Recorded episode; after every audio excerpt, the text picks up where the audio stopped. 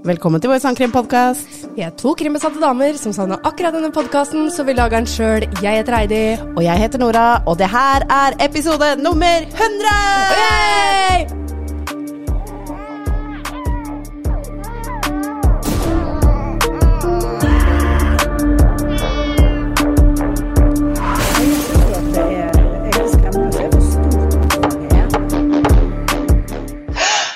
Hei, Nora. Hei, Heidi. Så tenkte på det nå, det kan hende at jeg skreik litt høyt, så folk bare Å, fy faen, det er Ja, sommer! jeg får redigere da, vet du. Ja da! Episode nummer 100. Åssen føles det? Åh, veldig rart. 100 episoder, Nora. 100? Ja. Det Ja. er eh, Da snakker vi. Nå, nå begynner det å dra seg til her, Ja, nå. Nå kan vi nesten liksom si at vi er eh, Nei. Vi har Vi er, noen vel ikke, vi, er episoder. ikke, vi, er ikke, vi er vel ikke profesjonelle ennå. Vi er jo fortsatt et hobbypoddere. Ja, ja, ja, ja. Men det er fortsatt ganske kult. Det er litt morsomt òg, for gjerne når jeg går inn skal se eller finne Ja. nye podder, så er det sånn Jeg gidder jo stort sett ikke å høre på kanskje podkaster som bare har to episoder ute, ikke sant. Nei, nei, Det er litt gøy å se at oi, 100, ja, men da Ja, ikke sant? Det er jo en grunn til at man har holdt på så lenge. Yes. Og også en annen ting, jeg gidder ikke begynne på podkaster sjøl om det virker interessant. Mm. Hvis jeg ser at å ja, forrige gang de la ut episode var i 21. Ja, og det har jeg oppdaga. Det er faktisk mange podkaster som har sånn ekstreme lange pauser. Akkurat som de har ja. sommerferie, men det er ikke snakk om da en måned eller fire uker. da. Nei. Det er liksom snakk om tre uker eller noe sånt. Ja, ja, At de deler opp i sesonger, da. Ja, ja, det har jo vi aldri gjort. Eh, vi har jo muligheten til å plotte inn sesong på der hvor vi har lasta opp episoder. Nå har vi jo nytt sted vi laster opp, men vi kan fortsatt legge inn sesongen der. Mm. Ja. Vi har aldri gjort det. Nei, det. dette er bare kontinuerlig. Det bare går og går og går og går. Så vi er fortsatt på Vi er på år, da. Ja, vi, vi, er på, vi er på år. Eh, og nå er vi vel straks ferdig med to Ja, år. når var det? For det var mars. Det var mars. Det var det. Jeg husker ikke helt nøyaktig dato. Men det var ikke så tidlig i mars. Nei. Det var det ikke. Var det midten, da? Kan det stemme? Jeg lurer på om jeg akkurat søkte opp det her. Jeg, nei, nå husker jeg det. Nå skal jeg bare dobbeltsjekke på kalenderen Ja. uh, om jeg husker datoen riktig. Vi begynte i mars 2021, Mhm. og vi la ut den første Episoden. innspillinga, som jo var min episode, som blei stubbkort, så vi kalte den en teaser. Ah. Og den la vi ut 20. mars. Det var den lørdagen vi satt hos deg. Ja. Og så en uke etterpå, 27., så kom det som blei episode nummer én. ah, ja, Som er. Delphi-mordene 27. Åh, mars. Ja. Så jeg vet ikke hvilken dato vi skal feire. Er det 20. eller 27. da? ja, godt spørsmål. Ja. Ja, vi, tar, vi feirer 20. da. Vi feirer 20., for det Ja. var jo uansett Vi spilte jo inn begge Vi episodene inn, samtidig. Vi gjorde det. Ja, så det blir 20. og, og da kom vi på Spotify. Ja. Og da, når, vi, når det kom bare dukka opp på Spotify mens vi satt hos deg, så skreik og jubla vi. Det føltes så stort. Det var så ræva lyd. Ja. Å, det er helt fælt å høre tilbake på det.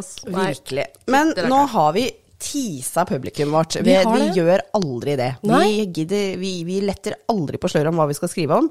Stort sett fordi vi ikke veit det sjøl, ikke sant? Mm. Ja, ja, ja, ja. Men nå var vi enige om at eh, nå skal vi bare velge på forhånd, Mm. og så skal vi si det til lytterne, så de veit hva de har å glede seg til.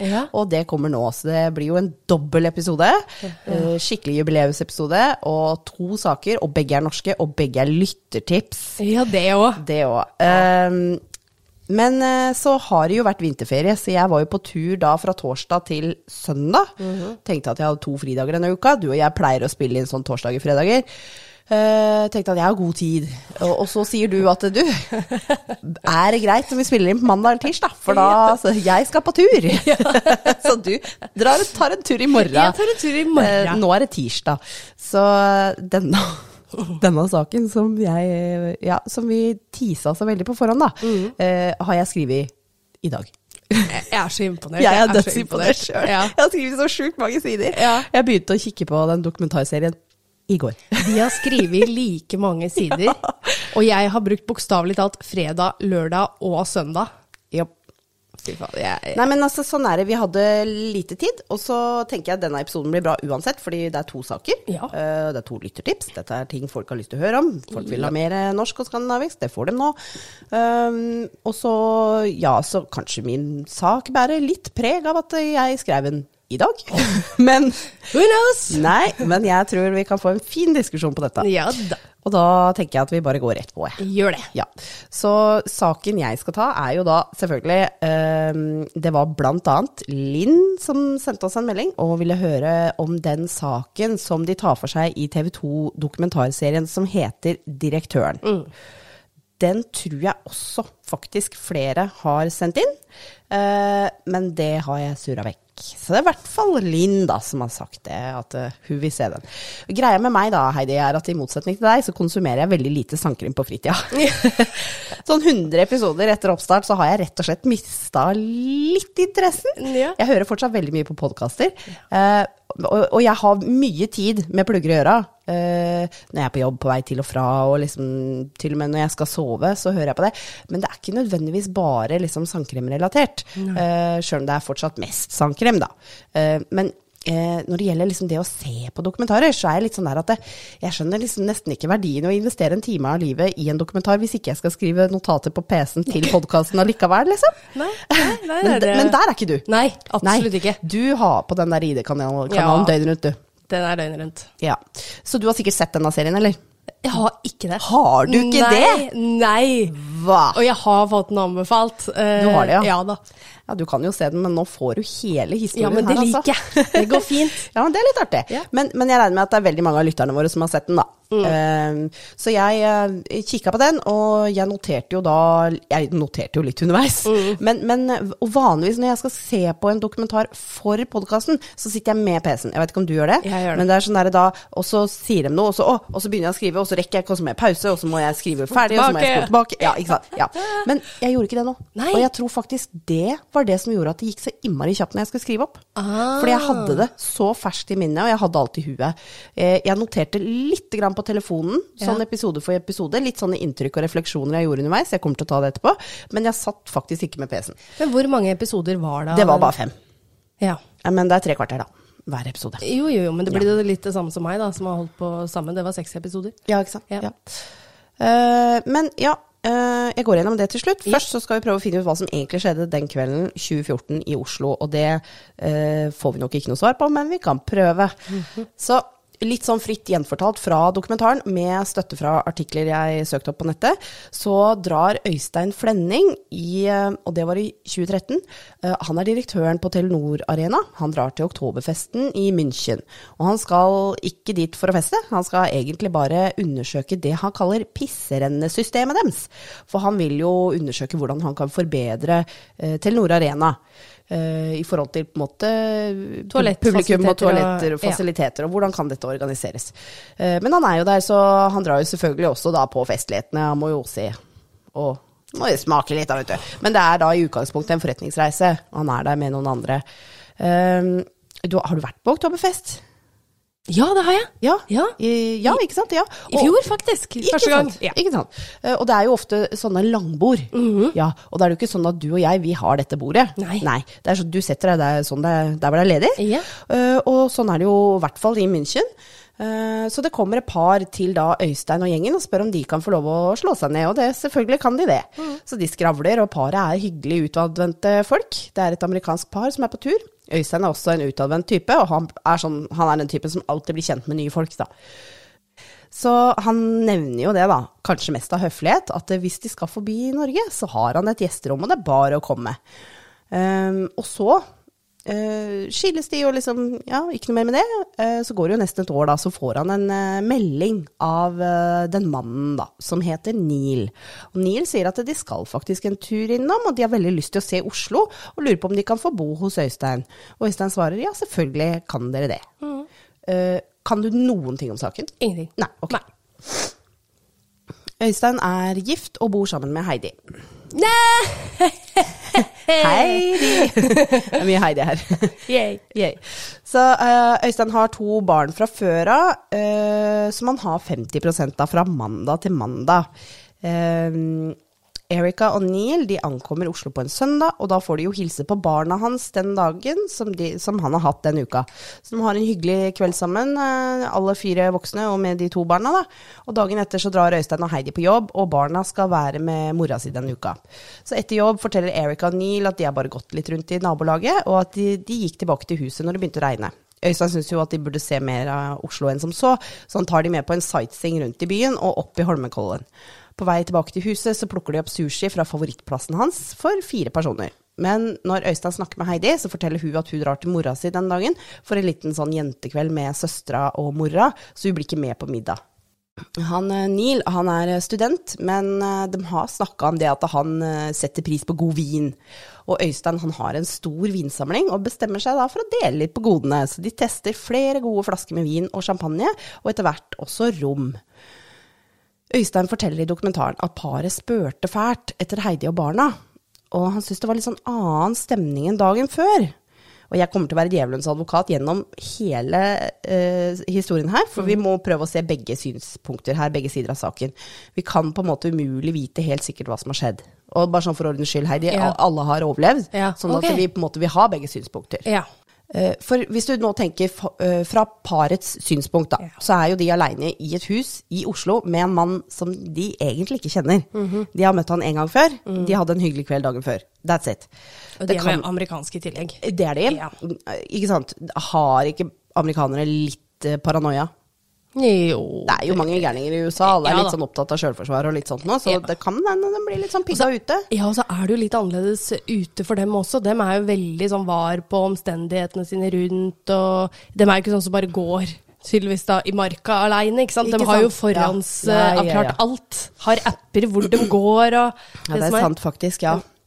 Ehm, for ja, de, eh, de er jo aleine med denne mannen som ikke de kjenner så godt, og det kan godt hende at de følte seg mer komfortable kvelden før, Ja. når de da var sammen med resten av familien også. Øystein på sin side sier at samtalene var jo veldig hyggelige, men han beit merke i at de spurte fælt om familien hans. Og det blei brått sur stemning når Neil forteller om svogeren sin, og det gjør han utpå natta. Og da for deg, Heidi, og for dere lyttere som ikke kjenner saken, så kan jeg si bare med en gang at Øystein blir knivstikket ni ganger av Neil, og Erika får seg en kraftig smell i trynet. Hvorfor og hvordan er verre å svare på, men vi må spekulere litt. Så spør Erika og Neil etter Heidi og barna fordi de hadde følt seg tryggere om det var flere der, eller spør de etter Heidi og barna for å forsikre seg om at de er aleine? Ja. Er de egentlig backpackere på tur i fremmede land, eller er de som Barbie og Ken-morderne, som ønsker å ha Øystein aleine? Mm? Så svogeren til Neil, det er da mannen som er gift med Neil sin søster. Han er nylig dømt for voldtekt, ikke av sin kone, men av noen andre. Dette fikk de da melding om dagen før, så det er noe som er veldig ferskt i, i minnet til både Neil og Erika. Det er noe de tenker mye på.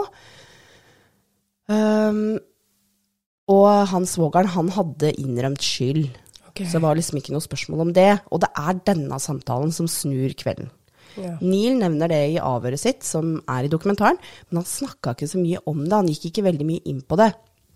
Men han mener at Øystein blei bråsint. Eh, For øvrig så sier han også at Øystein har mye sterke meninger, og det som Øystein opplevde som trivelige samtaler, det gjengir Neil som om Øystein egentlig bare har sittet og spydd ut sine kraftige meninger, og Neil sa han ikke imot, han bare lytta. Neil eh, forteller Nei, det var faktisk Erika som sa det i sitt avhør, at, hun, at Øystein hadde også fortalt hvordan han trenger, og hvordan han krever, en daglig blowjob. Ok, Litt spesiell detalj. det er spesielt. Uh, Øystein dominerte samtalen da, ut ifra deres synspunkt. Og når Neil kommer inn på dette her med svogeren, uh, i avhøret, da, så blir han Han sa ikke så mye om det, han blir fort ganske stille. Og så satt han ganske For det er jo videoer av eh, avhøret i dokumentaren, hvor hun som avhører er jo blurra ut, og stemmen hennes er erstatta med en skuespiller, men vi ser jo Neil. Uh, og han blir stille ganske lenge, og så ber han om å få snakke med advokaten sin. Um, ifølge Øystein så snakka Neil om at han og faren hans ville forhindre at svogeren havna i fengsel på et vis. De ville liksom få stoppa det her. Uh, men Øystein skjønte ikke helt hvorfor, for han hadde jo innrømma det og hele pakka. Så han sier er det ikke bedre å bare ta avstand fra hele mannen? Ja, ja, ja. Og da sier Øystein at Neil reagerte med sinne. Øystein er en spesiell fyr. Han er utdanna jurist, og han er veldig dyktig i jobben sin, og han virker som en som er vant til å få det som han vil. Han framlegger alt han sier som reneste fakta, han forventer ingen innsigelser, og han er effektiv i kommunikasjonen. Og han kan nok framstå som noe nedlatende.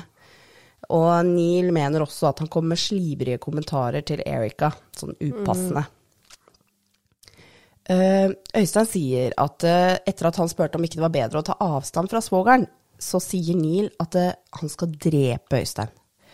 Og da begynner Øystein å ringe nødnummeret. Og klokka er sånn to på natta. Eh, som sagt da, så er jo Øystein han er en utdanna mann. Han er vant til å holde hodet kaldt. Så han er overhodet ikke stressa eller hysterisk. Han ringer rolig politiet på 112 og forteller at han har en mann på andre siden av bordet som sier at han skal drepe han. Og da er det nok litt vanskelig for, for han i andre enden å, å, forstå alvoret, fordi at Øystein er så rolig. Og det er jo helt absurd at Neil skulle være i samme rom når han ringer. Ja, ja. Men Neil snakker jo ikke norsk, og det tror jeg ikke kom fram i samtalen til politiet. Så han kunne jo sitte og snakke foran han. Uh, og da selvfølgelig holde seg helt rolig uh, og bare forklare hva som skjedde, uten at Neil forstår det. Mm, ja, det er sant. Men det tror jeg ikke kommer fram. Nei. Så det er klart det er vanskelig da for han i enden, andre enden å skjønne dette. Um, mange av de opptakene fra disse nødsamtalene er i dokumentaren. Uh, og her er ord for ord innholdet i første samtalen etter at Øystein hadde presentert seg med fullt navn. Øystein sier Jeg ringer fordi det er en kar som sitter på andre sida av bordet mitt. Uh, og det er så Han er drita, vet du. Ja. Han, de, de er ordentlig fulle, alle ja. sammen. Ja. Jeg ringer fordi det er en kar som sitter og sier på andre sida av bordet mitt at han har tenkt å drepe meg. Så svarer politiet, hvor sitter han, sa du? Han sitter på andre sida av bordet. Han sitter på den andre siden av bordet ditt, sier du? Ring 02800 istedenfor, er du snill. Og så la han på. Nei. Jo. Ja. Så politiet ber han jo da ringe opp igjen på 02800, som er et slags hurtignummer til politiet for samtaler som ikke er nødsamtaler. Jeg har sjøl brukt det nummeret mange ganger på jobb. Da blir det bare satt direkte til den nærmeste politikammer. Å, det gjør aldri jeg. Det har vi prata om før, og jeg ringer alltid 112 Når jeg- i jobbsammenheng, da. Gjør du det? Ja, ja, ja. Oh, ja. Lett. Det mm, Nei, altså, altså, Det kommer litt an på. Har ja. du et eh, regel, bare et spørsmål, men stort sett det skal mye inn til for at jeg ringer politiet, og da er det stort sett nød, eller sånn. Ja, ja. Altså, jeg fant noe, en pose med noe hvitt pulver i på toalettet her om Ja. Da ringer jeg 02800 og spør er dere gira på å komme og hente det, eller Ja. skal jeg bare kaste det? Det hadde jeg skjønt. Ja, Ja. så det, det er, selvfølgelig ringer jeg 112 hvis jeg Ja, er i en situasjon jeg må. utagerende situasjoner, ja. Ja. Absolutt. Men det er spesielt at de faktisk bare legger på menn. Ja. Øystein? Kan du ringe 02800 i stedet? Det er liksom pip, pip, pip. Ok. Øystein nevner også i dokumentaren at han var ganske redusert. De hadde drikket godt, og klokka var jo to, litt over to, når han ringer politiet for første gang. Han tror kanskje han har rett og slett fått noe i drinken sin, for han føler seg ikke sånn vanlig full. Nei. Og når han ringer opp igjen til 02800, så presenterer han seg igjen og forklarer hvem han er og hva han jobber med, og han i andre enden stiller oppfølgingsspørsmål for å prøve å forstå situasjonen. Og det gjør Øystein utålmodig. Og de er rett og slett begge ganske nedlatende til hverandre. I en av samtalene så svarer også Øystein på noe nedlatende politiet sier. Eh, Så sier han 'Å, nå ble du enda proffere, jeg gleder meg til å ta dette videre'. Og han kaller også politiet for 'din lille dritt'. Ja. Det Ja. er ikke akkurat det beste for Det vi ikke hjelp. Men han er frustrert. Ja. Han blir jo ikke tatt på alvor. Nei. Uh, så eh, her er et lite utdrag fra det som jeg tror var siste samtalen. Jeg tror han ringte dem tre eller fire ganger. Uh, og da sier politiet Det her er bare et utdrag, altså, så de har hatt en lang samtale på både før og etter. Uh, politiet sier ok, men hva er essensen til at det har blitt så fiendtlig innstilt nå, da? Eh, Så svarer Øystein fordi vi har snakka om hva de har å møte i forhold til USA. Og så svarer politiet «Eh, ok, det skjønte jeg ikke noe av, men så sier Øystein nei, jeg skjønner at ikke du skjønner det, når ikke du klarer å skjønne en melding som du fikk i stad. Og så sier politiet ja. Og så sier Øystein kan jeg være så snill å få snakke med noen andre hos deg? Og da svarer politiet, og du hører det i nødsamtalen, at han er ganske irritert nå. Nei, det kan du ikke. Du prater, nå prater du med meg, og hvis du ønsker hjelp, så får du prøve å forklare dette her på en ordentlig måte. Du trenger ikke vinkle dette som at jeg ikke skjønner noe. Det er du som ringer oss og vil ha hjelp, vet du. Da må du forklare litt mer. Det var, å, det var så nedlatende hvordan han sa det er du som ringer også vil ha hjelp, veit du. Og det er du som ringer og sier Å, ja, å. Da får du faen komme her med hatten i handa. Og da sier jo han ja, men nå er jo du enda proffere, så nå gleder jeg meg til å ta dette videre. Jeg er sjefen for Telenor Arena, din lille dritt. Der kommer den inn. Ja, ja da burde du vite bedre hvis du har sjefsstilling der, for å si det sånn. Da forventer jeg at du klarer å forklare meg. Jeg er sjefen, avbryter Øystein. Ja ja, det er veldig hyggelig å høre, men da klarer du sikkert forklare meg dette på en fin måte, da. Så sier Øystein ja, prøv å lytte, da. Så sier politiet ja, jeg lytter jo hele tiden, men da må du forklare, da, veit du, for vi har mye annet å gjøre også. Sier Øystein ja, det skjønner jeg, men har du noe mer interessant å gjøre enn å redde et liv? Så sier politiet nei, men da må du forklare meg hva problemet er her, da. Og den, altså, denne samtalen varte i 13 minutter, og det var bare fram og tilbake, fram og tilbake, Frem og tilbake. Og det er liksom, du merker at begge to er Ja, ja. ganske åh, irritert. Jo, men jeg kan jo skjønne på en måte politiet sin side også. Absolutt. Han, Han er ja, drita! Ja. Og han er så rolig som Ja. skjæra på tunet og sier at du, det er en her som har lyst til å drepe meg. Ja, men øh, Og så vil jo ikke Øystein virker det som utdype så veldig mye. Nei, altså han prøver å forklare, men det blir bare rør, vet du. Ja, Ja. for han er jo så full. Ja. Men han, han har prøvd. Altså, ja da, men hadde jeg vært politiet, hvorfor bare ikke sende en patrulje, Bare da? send en Ja. bil. Her er et eller annet. Ja. Det er andre gang han ringer. Tredje, Det er tredje, Tredje gang, han gang, ringer. ja. Altså, bare send en bil. Ja, har de ikke sånn, eh, sånn derre velferdsmøte Nei, hva er det heter for noe? Ikke velferds, men sånn når du skal sjekke sikkerheten ja, til ja, ja, ja. Welfare check, Ja. som du ville Mm. sagt på engelsk. Ja, Ja. mm, ja absolutt. Ja. Det burde de gjort. Ja. Eh, 100% helt enig. Ja. Eh, og i tillegg, der når han sier 'kan jeg få snakke med noen andre hos deg', så skjønner jeg at han politifyren blir forbanna. Mm. Ja. For faen, du kan snakke med meg. Ja. Det er ingen her som har noe mer kompetanse enn det jeg har. Men veit du hva han burde gjort? Han Ja. burde ikke tatt det personlig. Nei. Så burde han gitt telefonen videre. Ja. For bare det å få en annen person å snakke med, kan endre samtalen dramatisk. Det kan det. Absolutt, ja. Bare helt Rolig. nytt blikk, Ja. nye ører, rolig. Så tar vi det pent, ikke sant? Ja. Så der, der mener jeg at kanskje han hadde litt for mye personlig stolthet. Mm. Ja. Det er sant. Og som sagt, Øystein er en fyr som er vant til at folk hører på han. Mm. Og han er vant til at folk gjør som han sier. Han er vant til å være kommanderende. Men altså, her kan vi jo skjønne at han blir frustrert, for Ja. han blir jo ikke tatt på alvor. På et eller annet tidspunkt før Øystein begynner å ringe, så kommer Heidi hjem. Og Øystein skjønte at hun ville gå og legge seg, så han sier ikke noe til Neil og Erika. Han hørte at hun kom hjem, og hun gikk rett og la seg uten å hilse på, så han gir ikke den oppmerksomhet, liksom. Så ikke de skal bli sånn kom med, bli med'. Så han liksom bare Hun bare går og legger seg. Men hun våkner når hun hører at Øystein snakker norsk. Og hun skjønner ikke helt hvorfor. Eller hun liksom «Øh, Ok, hva, hva skjer nå? Ja. Eh, Men hun hører det Øystein sier, og hun hører det Neil sier. Spesifikt så hører hun at Neil sier han skal drepe Øystein. Og hun blir livredd. Hun frykter for sitt eget liv, og hun blir redd for Øystein sitt liv, og det eneste hun kan tenke på nå, er å komme seg til helvete vekk. Så hun kommer seg ut, og så setter hun seg i bilen og kjører i retning mora si. Hun ringer også Øystein, og de snakker sammen. Og hun ringer moren sin og forteller hva som skjer. Så ringer hun politiet. Og det her ble brukt mye mot henne. At det gikk 20 minutter Ja. fra hun forlot huset til hun ringte politiet. Ja. Og du er helt enig? Helt enig. Ja. Jeg skjønner kanskje at du ville komme seg ut, men det er mannen din, eller kjæresten din. Altså. Men jeg, jeg, tror ikke, jeg tror ikke du kan tenke Nei så veldig rasjonelt der og da. Nei, nei, jeg skjønner det at hun ville komme seg ut. Ja. At hun kanskje tenker litt sånn egen sikkerhet Ja, framfor alt. Men kunne hun ikke, når hun hadde satt seg i bilen og kanskje begynt å kjøre, da. Eh, eller kjørt til politiet med en gang, for Ja. Og ringt mora si. Altså et eller annet, men ikke at du går At du kjører til mora si, liksom, og ringer hun først. Ringte først Øystein, og så Ja, ja, Øystein de de, ringte et par ganger fram og tilbake, tror jeg. Og så ringte han mora si, så ringte han politiet. Ja. Og det her blir jo brukt mot deg. Men jeg tenker at eh, i sånne situasjoner så er det ikke alltid man tenker rasjonelt. Nei da. Nei da. Sånn for å være litt djevelens advokat, som jeg kommer til å være gjennom hele. um, så det blei jo brukt mye mot henne, da. Uh, og hun føler faktisk det at hun omtrent ikke ville blitt trudd av politiet på at hun var i det hele tatt hjemme, om ikke hun hadde hatt bompasseringer og mobildata for å bevise det. Fordi hun føler at det liksom De tok hele vitnemålet hennes og bare kasta det i søpla.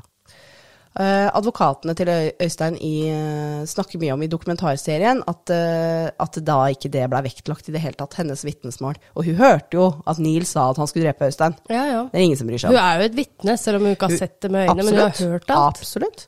Så hun ringer først 112, eh, og det her er samtalen da etter at hun har presentert seg med sitt fulle navn, og hun er også rolig og samla. Mm. Ingen hysteri. Nei. Jeg ringer egentlig på vegne av min ektemann. Eh, Ja, sier politiet. Jeg var der egentlig i stad, men så dro jeg derfra. Ja. Eh, og det siste jeg hørte, var at han hadde tenkt å drepe mannen min. Han har også prøvd å ringe dere, men ja, nå er jeg egentlig litt redd, for vi kjenner de ikke veldig godt, og de er fra California. Ja. Så jeg turte ikke å være der, for å si det sånn, men jeg veit ikke hva man kan få gjort med det. Nei. Kan ikke du ringe meg på 02800, så kan jeg hjelpe deg der. Du tuller. Ja, sier Heidi. Politiet sier fint. Så sier hun 02800. Så sier politiet ja, takk, hei, og legger på. Men da når hun prøver å ringe 02800, så kommer hun ikke gjennom. Nei. Nei, så da, hun, da ringer Heidi mora si igjen og sier kan ikke du ringe politiet? Noen ganger så er det bare mamma som er best. Så mora til Heidi ringer 112, og sånn var denne samtalen. Uh, hun er her beskrevet bare som svigermoren, for hun er svigermor til Øystein.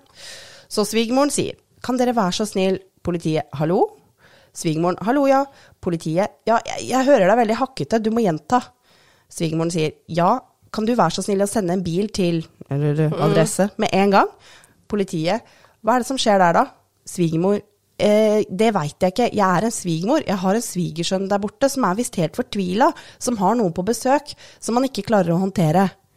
Politiet sier, men hva har han sagt til deg da? Og så sier hun, jeg har nettopp fått hjem en datter som er helt fra seg. Politiet sier, eh, ja, ok. Svigermoren eh, fortsetter, som har rømt huset, og mer veit jeg ikke, dere må hjelpe oss. Politiet svarer, eh, det er ingen som snakker om at ikke vi skal hjelpe dere, jeg trenger bare å få vite litt mer informasjon før jeg sender en bil. Og svigermoren sier ja, eh, jeg veit ikke annet enn at det har opp, oppstått en diskusjon, og så har vel min svigersønn blitt redd, og sist gang min datter snakka med han, så hadde han rømt bak et annet hus der oppe. Politiet sier skal vi se, bare et lite øyeblikk her, mens jeg prater med deg, så er det noen som sender en bil, så bare hold linja med meg. Og så er det 1 minutt og 41 sekunder seinere. Så sier politiet ja, vi skal ta en tur opp, vi. Så sier svigermoren ja, hvor lang tid vil dette ta, da?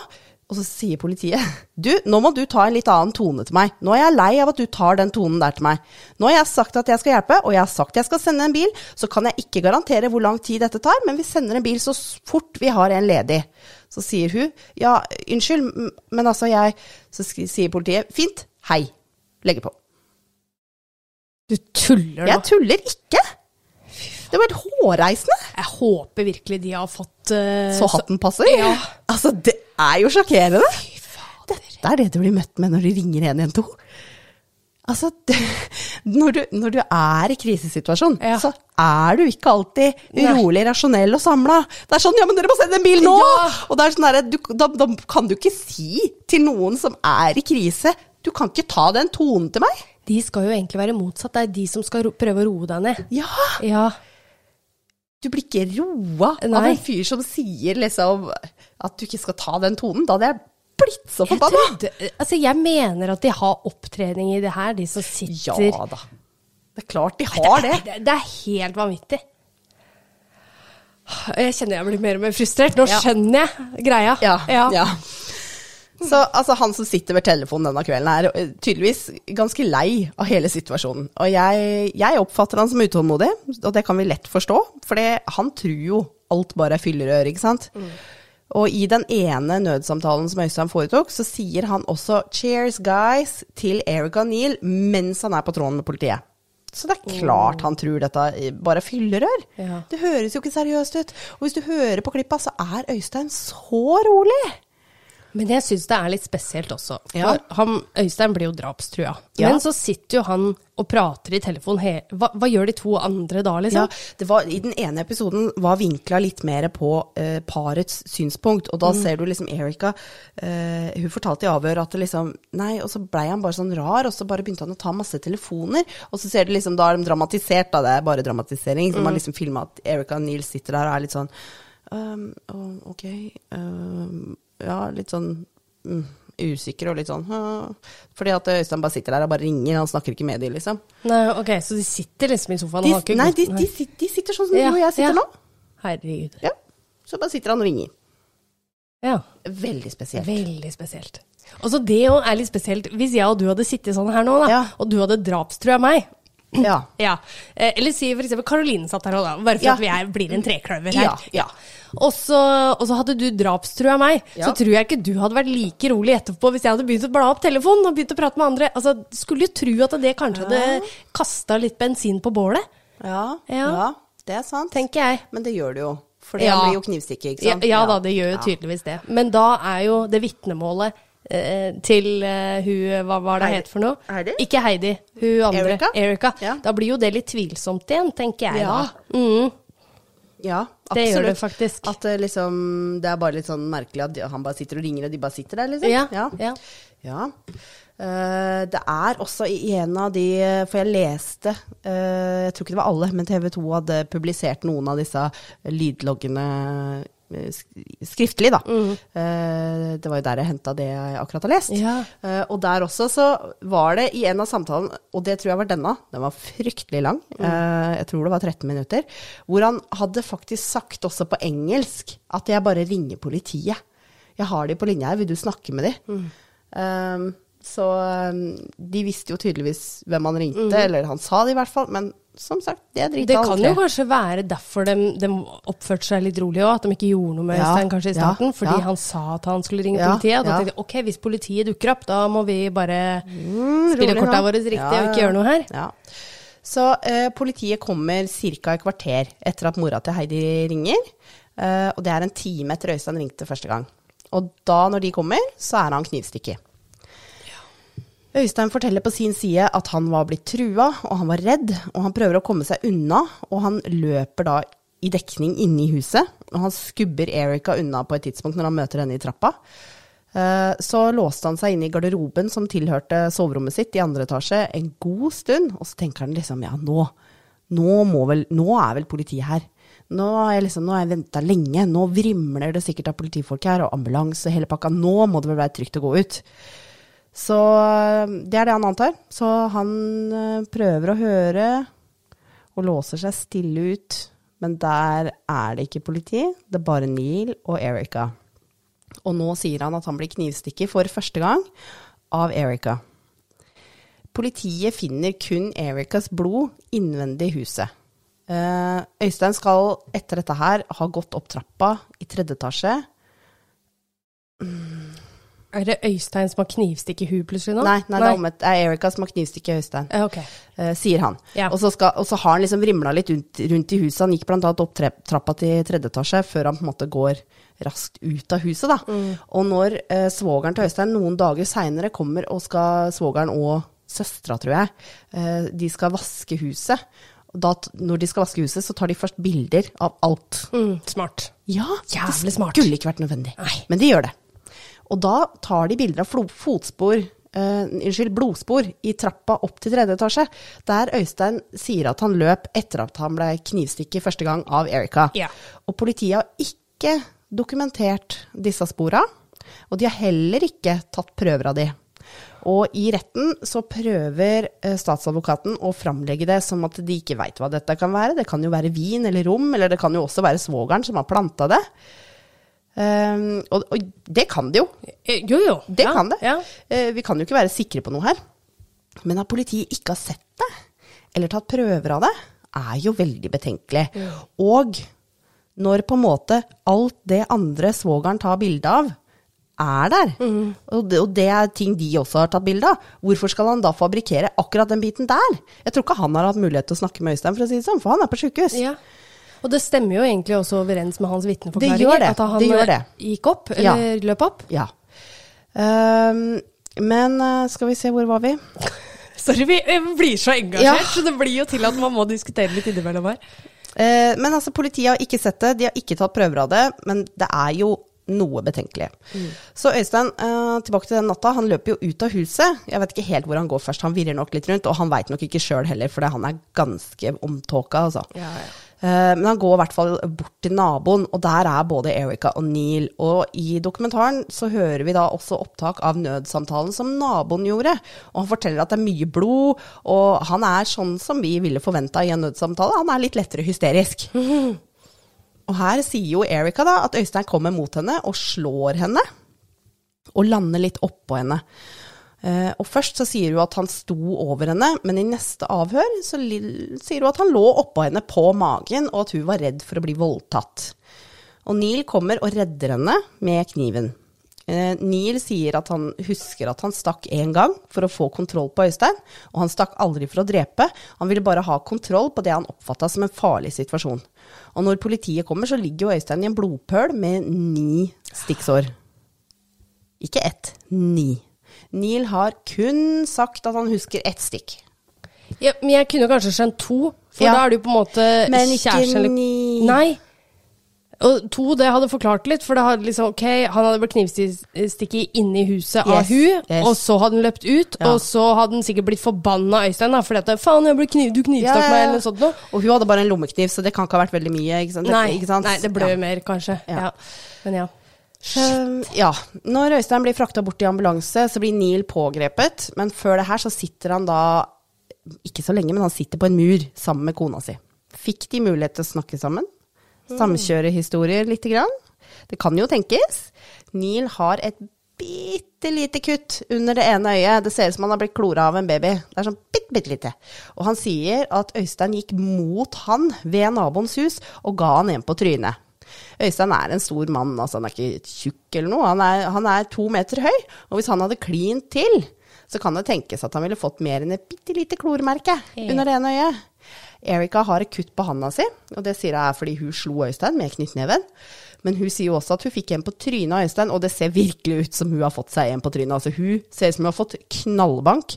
Det ser ut som hun har fått sånn overdose fillers i leppa, for den er så hoven. Ja. Det ser helt grusomt ut. Øystein blir operert sånn så å si på trappa på sykehuset. De sperrer hele nødinngangen, for de bare her står opp sekunder.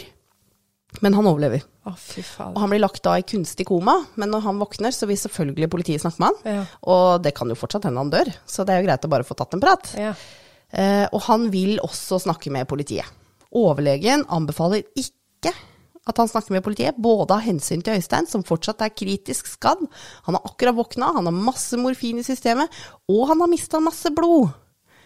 Når når jeg fødte, så mista jeg to liter blod. Jeg var helt surrete. ja, ja. Uh, så det er eh, ikke bra. Eh, men, men også av hensyn til politiet, så mener overlegen at dette burde dere ikke gjøre. Fordi ofte når du avhører noen så kort innpå en hendelse, så vil det medføre veldig mye feil. Man trenger litt tid på å sortere ting i huet etter en traumatisk opplevelse, og sånne avhør gir ofte mye feil i forklaringen. Men siden Øystein da sjøl ønsker å snakke, så får de lov å avhøre han. Og de gjør det da klart for han at han er fornærma i saken, og Øystein på sin sedvanlig litt nedlatende måned sier at uh, han er jurist og han kan alt det der, så det er greit. Ja. Forklaringen hans er jo selvfølgelig full av feil, og strider imot beviser. Ikke alt selvfølgelig, men deler av den. Og det her blir jo brukt mot han seinere, ikke sant? De avhører Øystein på sykehuset igjen en uke seinere, og da har Erika anmeldt han for overfall. Det gjorde hun også den dagen han avhør, blei avhørt første gang. Det var den dagen hun anmeldte, anmeldte han, men det er jo usikkert om det var før eller etter han ble avhørt. Men en uke seinere så er han anmeldt, men politiet avhører han fortsatt som om han er fornærma, og ikke tiltalt for noe. De er jo pliktige til å informere om det, men det gjør de ikke. Nei. Nei. I et avhør som Neil har med politiet, så demonstrerer han med en etterforsker hvordan knivstikkinga foregikk. Og her er det noe som blir lost in translation, skjønner du. Fordi med alle avhør med Erika og Neil, så er det med en tolk, for, at, eh, for å sørge for at alle skal bli forstått 100% Neil sier 'when we stabbed him', og tolken oversetter til 'når jeg stakk han'. En liflig liten detalj som ikke blir plukka opp på. Men dokumentarserien plukker det opp og spiller det flere ganger. Ja. When we. Erika har aldri vært tiltalt, tiltalt i saken, og kun noensinne blitt behandla som vitne og fornærma. Det er sjukt. Altså, det er så Til og med hvis du ikke er god i engelsk, Ja. så burde den detaljen der Ja, det er ganske stor forskjell på Ja. we og I. Ja. Ja. Eh, Altså, eh, barneklassing, holdt jeg på å si. En som Yes. gikk på barneskolen, hadde skjønt den. Det er dårlig tolk, faktisk. Ja. Tidligere lektor ved Politihøgskolen, Kari Rønneberg, hun forsker på politiets kommunikasjon med publikum, og hun er jo med i dokumentarserien. Og hun blir bedt om å selvfølgelig høre på samtalene mellom Øystein, Heidi og moren og nødetaten. Og hun sier at når noen ringer og sier at noen vil drepe deg, så er dette en nødsamtale uansett. Og når Øystein oppgir hvor han bor, så ville det vært naturlig å sende en bil med en gang. Ja. Hun stusser over samtalenes varighet og innhold. Det var jo den ene samtalen til Øystein som varte i 13 minutter. Og det virker ikke som samtalene går i noen spesiell retning. Hun er kritisk til at hun krangler, og hun sier at man skal jo ikke krangle med de som ringer. Hun sier politiet veit at folk snakker ned til dem, men de lar seg jo vanligvis ikke hisse opp. De er rolige, sindige og kloke og har masse erfaring. Og så legger hun til at det her er ikke de politifolka hun er vanligvis så stolt av å høre på. Summa summarum, saken mot Neil blir henlagt etter at han har sittet nesten ni måneder i varetekt. Den ble henlagt òg. Ja. Knivstikking henlagt. Hvordan er det mulig? Du har, du har, et bevis for at noen er knivstukket her. Han, kan, han har ikke klart å stikke seg sjøl ni ganger. Han handla i nødverge. Ja, fuck off. Mhm. Når han kommer ut, så reiser de til USA med en gang, men de kommer jo tilbake da for påfølgende rettssaker. Erika har jo anmeldt Øystein. Um, advokaten til Øystein, Mette Yvonne Larsen, mener at det kan ikke kalles nødverge når én har våpen og den andre ikke har det. Nei. Nei. Dessuten så er ikke dette her, som Øystein forteller det, så er ikke det rett etter at han slo til Erika.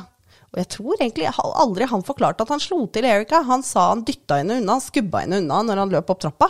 Men han sa ikke at han slo henne. Uh, men, det, men det er klart, det kan han jo Nei vel, da sa han det, forresten? Jo, han sa kanskje at han gjorde det når hun kom mot han med en kniv. Det skjønner jeg. Ja, det skjønner jeg. Men Heidi, Ja. du kan jo ikke slå meg ned, og så går jeg og henter en kniv, og ti minutter seinere så knivstikker jeg deg og kaller det nødverge. Nei, nei, nei, nei. Og det er jo en annen merkelig ting også, som Øystein sa i det første avhøret. Han sa jo da at Erika hadde en kniv, og at hun også knivstikk han. Og Erika sier også i sitt første avhør at hun har en lommekniv, en Leatherman. Politiet tok jo selvfølgelig sekken hennes og alle tinga som bevis, men de fant ingen kniv. Øystein mener det finnes en kniv, og Erika har bekrefta at det finnes en kniv. Men de mener at hvis det finnes en kniv, hvordan og hvorfor skal den ha blitt gjemt for de? Det her sies i retten. Og advokaten til Øystein påpeker jo da i retten at det bedre spørsmålet å stille er hvorfor har dere ikke funnet den? Ja. Men denne saken er henlagt. Øystein døde nesten og får ingen rettferdighet. Fy faen. Og da er jo saken som gjenstår, overfallet på Erika. Ja. Og der blir det en dom i tingretten som ankes av begge parter. Dommen var åtte måneders betinga fengsel med to års prøvetid. Det vil jo si at han ikke trenger å sitte inne fordi dommen er betinga, ikke sant? Ja, ja, ja. Men, Men det hjelper jo ikke. Nei, og når saken blir anka, så får han ubetinga fengsel på sju måneder. Du kødder! Det vil si at han må inn og sone. Og dette her prøver han å få utsatt pga. helsa, for nå er han jo ikke lenger direktør. Han jobber ikke, han jeg håper å si han naver. eh, som en drita statsadvokat eh, fortalte han når han var på pub, jeg kommer tilbake til det. Uh, men uh, nå må han jo da inn og sone, men pga. knivstikkinga så fikk han også seinere et hjerneslag. Og han går til behandling på Sunnaas. Han har dessuten også PTSD etter Ja, dette her. det skjønner jeg jo. Posttraumatisk stressyndrom. Ja. Eh, til slutt så får han da en soningsutsettelse. Eh, men den blir utsatt så lenge at 7. april 2022 så er straffen forelda. Så han trenger ikke sitte inne. Men han har ikke blitt benåda, og dommen har han jo fortsatt. Ja, det står jo på rullebladet hans. Jepp. Så her er de notatene jeg gjorde underveis i serien. Første episode fokuserer på Øystein side av saken. Jeg eh, skjønner ikke hvorfor han blir, ikke blir tatt seriøst når han ringer 112. Det her er for meg uforståelig. Ja. Andre episode viser mer av Erika og Neil sitt synspunkt, og de framstår begge som sympatiske og ærlige. Og jeg føler at vi nordmenn glorifiserer USA veldig. Og det er veldig naturlig, og vi, vi er liksom veldig aksepterende overfor amerikanere. Vi er liksom 'Å, det er hyggelige folk og gøy å høre de snakke' og sånt noe. Så det kan jo spille en rolle, da. Og jeg skjønner ingenting av saken lenger, fordi amerikanerne sier jo at Øystein slo til Erika og sparka henne i magen når hun lå nede. Og jeg legger merke til at Øystein virker kommanderende og nedlatende, og amerikanerne sympatiske og ærlige. Er det bare fordi vi ikke liker sånne direktørtyper? Kan være. Sånn derre eh, veit du ikke hvem jeg er-typer? Ja, men om du så ikke liker personen Altså, det Skal ikke ha noe å si. en Skal- Hvorfor vi, skal ha, vi skal ikke ha noe partisk eh, Nei, rettsvesen. reis derfra, da, og så ta inn på et fuckings hotell. Ja, ja, ikke sant. Ja. Ja. Ja. Eh, tredje episode så ser vi at han plukker opp en av unga sine i en stor bjørneklem, og jeg syns det var herregud så søtt at jeg måtte notere det. Jo. Mette Yvonne Larsen, som er Øysteins første advokat, som er veldig god og veldig overbevisende når hun taler hans sak. Uh, og i denne episoden så forteller også et øyenvitne noe som stikker høl på forklaringa til Neil. Og Ericas blod er på gulvet i stua i andre etasje, men ikke på soverommet, hvor de hevder det skjedde et overfall, og ikke i trappa, hvor Øystein skubba henne til side. Så noterer jeg, kan Erica og Neil ha rukket å iscenesatt noe her? Mm. Fjerde episode. Nå uh, har Øystein en ubetinga dom og står overfor en soning. Og nå virker han faen ikke riktig nagla, skriver jeg. Han, uh, altså, han tror oppriktig at politiet vil drepe han når han skal sone. Han tror de er en kriminell eh, organisasjon. Og han leverer disse replikkene med pokerfjes og virker helt oppriktig, og det er så vanskelig å ta han seriøst. Mm. Men, men, han sier jo at psykologen hans sier at hvis han tror det, så må jo ikke han sone, for da er han, ikke, da er han ikke frisk i huet, liksom. Men, men det mener jo han at han er, for det her tror han. Mm. Ja, men det, det, det, er jo det sånn posttraumatic stress funker. Ja, ja, du blir jo dratt tilbake til det scenarioet du var i da. Øysteins nye advokat Thomas Ramby beskriver det første avhøret på sykehuset, og sier, beskriver Øystein som bombastisk i sine uttalelser. Og det syns jeg var en veldig god beskrivelse av hele mannen. Mm. Um, og så var det jo det med at han hadde akkurat våkna kunstig koma, blodtap, morfin. Um, og så er det en vitnepsykolog som forteller om eh, traumatisk hukommelse og våpenfokus. Hvordan hjernen prosesserer traumatiske hendelser er litt merkelig.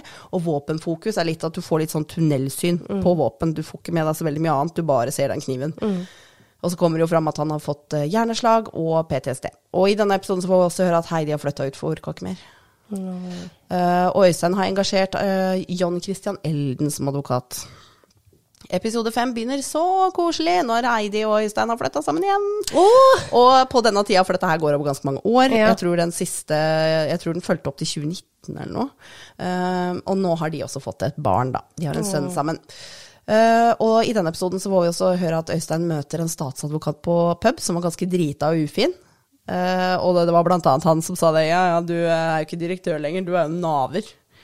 Aha, stemmer. Mm -hmm. Mm -hmm. og dette har han tatt opp. Mm. serien avslutter med at Heidi, Øystein og sønnen går tur, og der kommer det jo fram at straffen er forelda. På slutten av alle episodene så kommer det en uttalelse fra Erica Neal som ikke ville være med i serien. Mm, og den er vi fryktet at dokumentarserien ville bli subjektiv og ikke til vår fordel. Slik har det også blitt. Saken til Neil er henlagt da han handlet i nødverge. Øystein ble dømt fordi han var skyldig, og fordi nærmeste nabo var øyenvitne. Dyktige forsvarsadvokater kan hindre at uskyldige blir dømt. Det mest interessante her er egentlig i hvor stor grad skyldige og ressurssterke personer forsøker å manipulere virkeligheten. Så Heidi. Var Erica og Neil, to naive backpackere på tur på besøk hos en mann som ikke de kjente så godt. En mann som er vant til å få det som han vil. En bombastisk og påståelig mann som ikke tåler å bli motsagt. En som er overstadig berusa og kom med ekle kommentarer til Erica, som var nesten 15 år yngre, og som snakka om at han ville ha daglige blowjobs. Ferdig med det. En som overfalt Erica bare fordi han kunne. En som har penger og makt til å snu offentlighetens meninger og manipulere virkeligheten sånn som de sier. Eller var Erica og Neil litt som Ken og Barbie-morderne? Det er jo et fenomen som vi snakka om faktisk når jeg studerte reiseliv i England, jeg husker ikke hva det heter, men det går ut på at man oppfører seg annerledes når man er på ferie. Mm. Man tillater seg å gjøre ting man ikke ville gjort hjemme, blant mennesker som kjenner deg og kan se deg. Så Erica og Neil sitt snitt til å drepe en uskyldig person bare fordi de var langt hjemmefra og de tenkte de ville komme unna med det samkjørte de historiene sine når de satt på den muren. Sjøl om de fikk muligheten til å snakke sammen, så vil jeg bare understreke at historiene deres stemte ikke overens på flere punkter. Mm. Har Erika Neal rukket å kvitte seg med kniven hennes for å spare henne for tiltale? Kan Neal ha slått til Erika for å støtte historien deres? Kan de sjøl ha spruta blodet hennes omkring i andre etasje? Vær så god, kjør debatt. Kjør det. Dritbra. Går det bra? Får du ja. nå? Ja. nå får jeg puste. Hva tror du? Å, herregud, for en sak. For en sak! Uh, jeg tror jeg, Altså, jeg kan si det med en gang. Øystein, er det det? Var det Øystein, ja, ja, ja. Han er nok en drittsekk. Det tror jeg. Ja. Det... Han, han, framstår som veldig usympatisk. Ja. Uh, for all del, han virker uh, hyggelig nok, men han er litt sånn Han er litt overpå. Ja. ja. Han er en sånn, ja, sånn direktørsjef. Rett og slett en direktør. Han er en sjef, bare. Ja. Veldig. Så jeg tror han kan komme ut med mange klysete kommentarer og det, Det som er, og følt seg bedre enn veldig mange andre. Det tror jeg òg. Det tror jeg. Men det er fortsatt ikke noe unnskyldning til å knivstikke noen, og jeg er helt sikker på at disse to har gjort det. Ja. Ja, For han kan ikke ha klart å påføre seg disse skadene sjøl. Og nei og ja, om det er i sånn selvforsvar. Ja. For han kan du ikke Du er i hans hus, det er jo han som handla i nødverge, egentlig. Ja, ja, ja, sant, Med disse Og så ble han dømt for det. Ja. Det er jo han som har handla i nødverge. han er jo i sitt hjem, de kan jo bare gå. Ja! Hvorfor har de ikke gjort det? Den var to, han var én. og hvis, og hvis liksom uh, Hvis Erika får seg en ordentlig på trynet fra Mm. Øystein, ville du ikke da på en måte gått på rommet, låst døra og ringt uh, politi? Ja. Altså, eller slå han tilbake, da. Han derre jo jævla ikke, du går ikke etter den med kniv. Hva, hva slags logikk er det? Nei, det er ingenting. Altså, hvis Øystein hadde slått i hun kjerringa, da, Erika, sorry, ja. ja. Mm. Erika, så hvorfor gikk ikke mannen hennes da inn og slo han tilbake, for eksempel? Da? Altså, Øystein var veldig mye høyere enn han. Ja, jo, jo. Så han fikk på en måte ikke stoppa han. Nei. Uh, Nei, men dessuten da- så sier Neil også at han slo til han, Ja. og da han liksom dro fram Ja. kniven. Men ifølge Øystein og et øyenvitne, Ja. så hadde han allerede kniven i han, da. Ja, ja, ikke sant? Mhm. Jo, det er det jeg mener. Hvis du hører på, på vitneforklaringer, eller det de Ja. har forklart seg til politiet, Ja. da, så faktisk på Eller han, Øystein påtar seg jo ting som han har gjort. Ja. Han tilstår jo ja, 'jeg har dytta og slått', eh, 'jeg Ja, har gjort ditt Ja, ditten og datten'. Mens de andre bare 'jeg har ikke gjort noen ting'. Jeg bare handla i en gang. Ja. Stakk en gang. Stakk en gang. Og så viste det seg eh, Ni ni ganger. ganger. Nei. Er eh, Ok, Så du står stødig på Øystein Øysteins side. Jeg Ja. syns det er veldig rart at ikke på en måte Øystein, og det er litt sånn derre ja, eh, vi skal jo være upartiske, vi skal behandle alle likt. Mm. Eh, Øystein er en klyse, han blir ikke behandla likt. Mm. men jeg syns det er rart at ikke eh, den upartiskheten går i hans favør. Ja. Mm. For han er vår landsmann, og de andre er to backpackere som fikk lov å sove hos han av godheten i hans Mm. Ja. hjerte, liksom. At ikke det er upartisk i hans favør. Mm. Det syns jeg er litt rart. det er veldig, veldig rart. Ja. Det er eh, Men det rettsvesenet Altså, de som har jobba med den saken her, faen spark dem til helvete ut. Vi skal må ha sånne folk som politifolk. De kan ikke sitte på den telefonen, i hvert fall. Eh, nei. Så Ikke vidt ta, den, ikke ta den tonen til meg. Ja, altså I rettssaken òg. Tydeligvis at de bare Nei. Uh, Hvorfor, hvorfor, får ikke, hvorfor får ikke Heidi noe Hvorfor tror de ikke på Heidi? Hun hørte det at også. Neil sa at han skulle drepe, at, at han skulle drepe Øystein. ja, Og bruker det imot, da. Etterpå. ja. Det er bare sorry meg, da. Da, At å ja, eh, da, jeg prøvde bruk, å varsle. du brukte 20 minutter på å ringe. Da tror vi ikke noe på det. Nei. Uh, Akkurat som hennes sannhet er mindre sann av den grunn. ja, ikke sant? Nei, det bare, nei, du, din, eh, din, eh, din forklaring, den går ut på ti, den, skjønner du. Ja, ja, ja. ja. Du, hadde du ringt innen to minutter, da hadde vi trodd Da hadde vi trodd deg. Ja. Går en halvtime, så er ikke den troverdig lenger. Nei. Nei. Nei. Det er helt sjukt. Ja. Du skal høre de opptaka. Det er Jeg skjønner at ikke at ikke han blei helt trodd. Fordi at han jeg- er så saklig. Ja, og jeg kan skjønne det at folk blir frustrert. Herregud, jeg har hatt jobber jeg, Ja, hvor ja, folk ja. eh, Altså, jeg har møtt så mange Karen nå at det blir sånn Ja. vet du hva, til slutt så blir du så fedd opp at du tar Ja, igjen med hva. samme mynt. Ja, selvfølgelig. Men nå er ikke jeg trent opp til å gjøre noe annet Nei, heller, da. nei. Nei. Men jeg har jo til og med sjøl ringt 112 og vært hysterisk. Ja. Og de var ekstremt flinke til å få meg, eller roen i meg, da. Mm, Så det, det er det jeg syns er rart, altså. Veldig. Ja, og de er veldig opptatt av å holde deg på tråden også til Ja. eh, patruljen Ja. kommer og Og her har de lagt på. Ja, det òg. Ja, det er helt sinnssykt. Og de, om, de anbefaler jo folk, hvis du ikke har mulighet Si du blir altså, kanskje litt feil scenario å ta opp, men uh, si du blir kidnappa, ikke sant? Ja, ja, og du, du har tilgang til telefon, men du kan ikke fysisk liksom Hei, jeg heter den og den. Så skal du bare ringe, og så skal du la bare telefonen være, sånn at de kan høre Ja, ja, ja, absolutt. Absolutt. hva som foregår. For alt blir jo tatt opp. Ja. Nei, det er, det er en veldig merkelig sak. Jeg skulle ønske vi Nå- kunne Var dette fra liksom 2015? mm, Det skjedde i 2014. 2014, ja. Ja. Det er ikke lenge siden heller, vet du. Nei, det er ikke det. Nei. Jeg, jeg, skulle ønske vi kunne vite med sikkerhet hva som skjedde. Mm, Eh, men altså, mest sannsynlig, Mm. her er det bare en gjeng som har blitt drita. Neil og Erika Mm. har kanskje følt seg litt utrygge. Øystein er veldig komfortabel, for han er i eget hjem. De har kanskje følt litt at han har uh, hatt en litt annen maktposisjon Mm. enn dem. Så har alle sammen bare blitt skremt av et eller annet som Mm. har gjort at de har bare løpt hysterisk fra bordet og, og blitt paranoide hele gjengen. Ja, men det er det jeg ikke skjønner. Hvem, hva, er det, hva var det som fikk det til å tippe over til at det er en av bokstavelig talt bare finner en kniv Ja. for å gå for å knivstå Ja. Den, den terskelen er- stor, altså! Og det verste er, det, han, har, han har ikke funnet en kniv på kjøkkenet. Han har ikke tatt en sånn svær kniv. Nei. Det er en kniv han alltid har i lomma. Det er Ja. nesten som en sånn lommekniv, men det er en sånn liten sånn stikkekniv, liksom. Som han alltid har på seg. Det òg? Ja, det er er amerikaner, vet. Ja, ja. Ja, og hun også hadde jo en lommekniv. Men jo, det var jo en faktisk lommekniv, det var jo en Leatherman. Mens det her var en litt annen type kniv. Bare, hva var det Og når, de, og når de skulle ta opp denne saken igjen, Ja. tror du ikke all, alt av bevis var destruert, da? Ja, ikke sant. Ja, Selvfølgelig. også den kniven. Da begynner jeg å lure litt Ja, på rettsvesenet her. Ja, jeg gjør det. Jeg er veldig spent på hva lytterne våre tror. Mm. Så håper dere kommer med eh, tankene deres. Jeg har kjempelyst til å lese de, for jeg blir ikke klok på det. Nei. Jeg syns det er uforståelig Ja. at eh, ikke Neil skulle få noe straff. Det er greit, han satt ni måneder i varetekt for å vente på liksom, utfallet.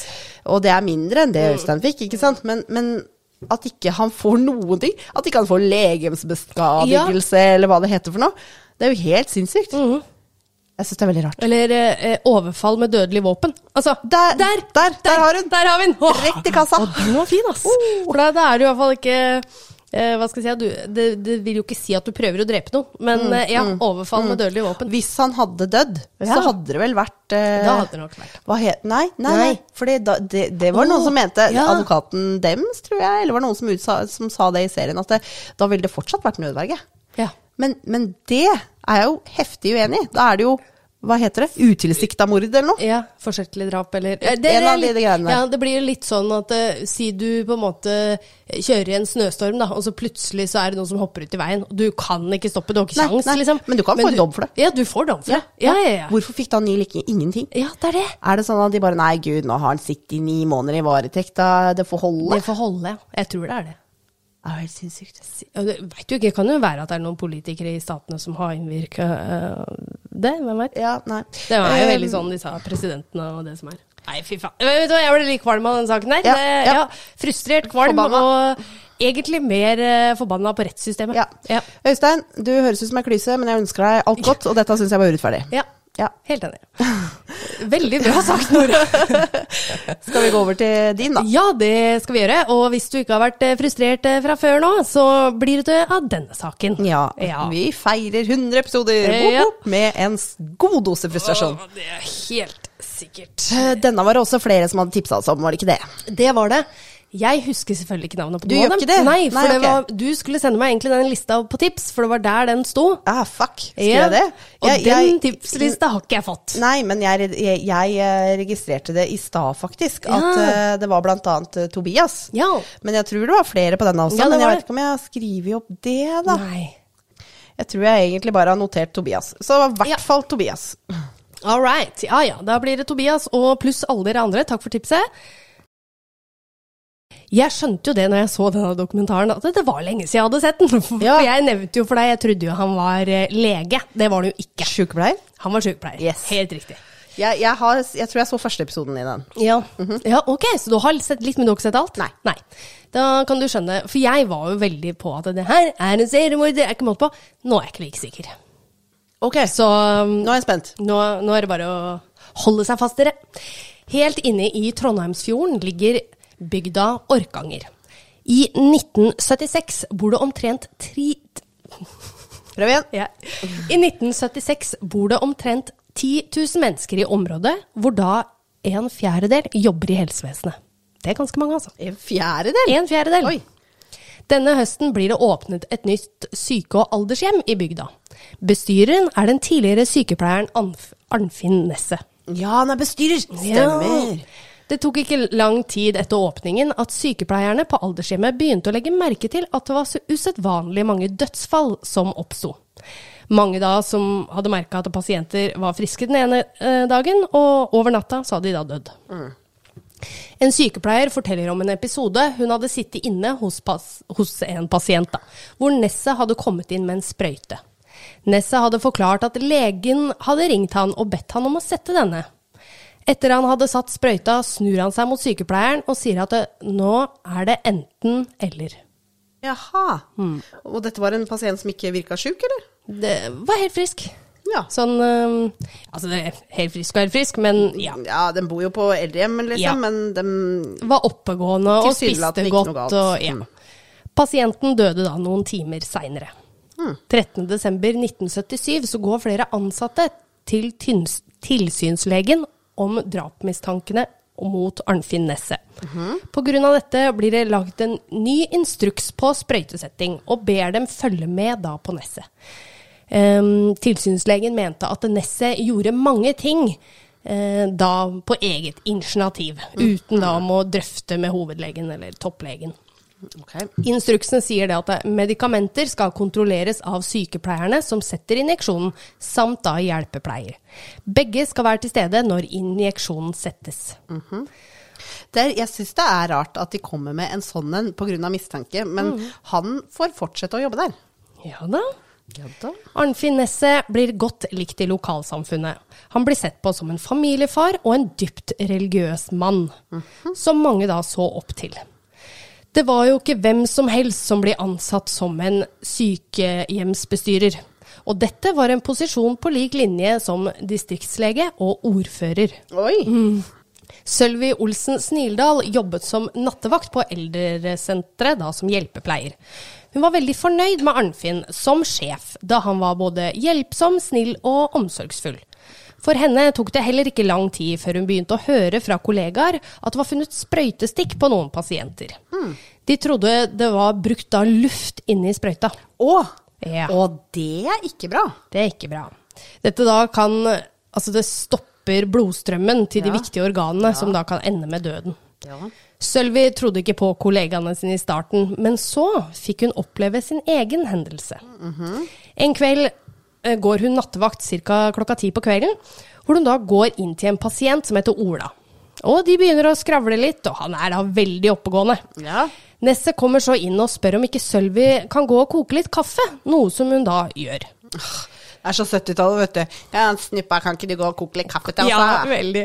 Mens hun da står på kjøkkenet, så legger hun merke til at Nesset begynner å romstrere inni medisinskapet. Og dette er da et rom over gangen, så hun kunne se det her, da. Etter en liten stund ser hun så Nesset begynner å gå tilbake til Ola sitt rom. Og hun må jo bli værende på kjøkkenet, for før i tida så måtte du koke kaffe i kjele. Ja. Så det var ikke sånn kaffetrakter. Nei. Nei. Hun husker ikke helt hvor lenge Nesset var borte, men plutselig så kommer han inn på kjøkkenet og sier Ola er død. Ja. Ola som akkurat hadde sittet og snakka med. Ja. Ola som var så oppgående. Sølvi går så inn på rommet til Ola for å gjøre de rutinene man skal når da en pasient dør. Hun oppdager fort et stikk i armhulen hans som er ferskt. I armhulen. Å, sneaky. Ja. Det er forsøkt skjult. Ja, og det var jo Altså, disse sykepleierne veit jo hvordan du kan se om et sprøytestykke da tydeligvis er nylig eller ikke. Ja. Og her var det også blodflekker på lakenet. Oi. Så da skjønner du at ok, det må være etter vi har bytta dette lakenet her. For, ja. Hun spekulerer i hva som kan ha skjedd, så hun bestemmer seg for å gå i kartoteket for å se om det var tatt noen blodprøver, da. Eller noe som kunne for forklare dette stikket. Men blodprøve tas vel ikke i armhulen?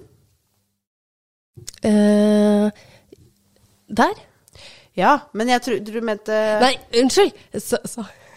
Du, Ja, ok, du mente ikke armhulen, du mente Nei. på innsida av albuen. Ja, ja, Ja. unnskyld, jeg sa feil. Ok, ja. ja.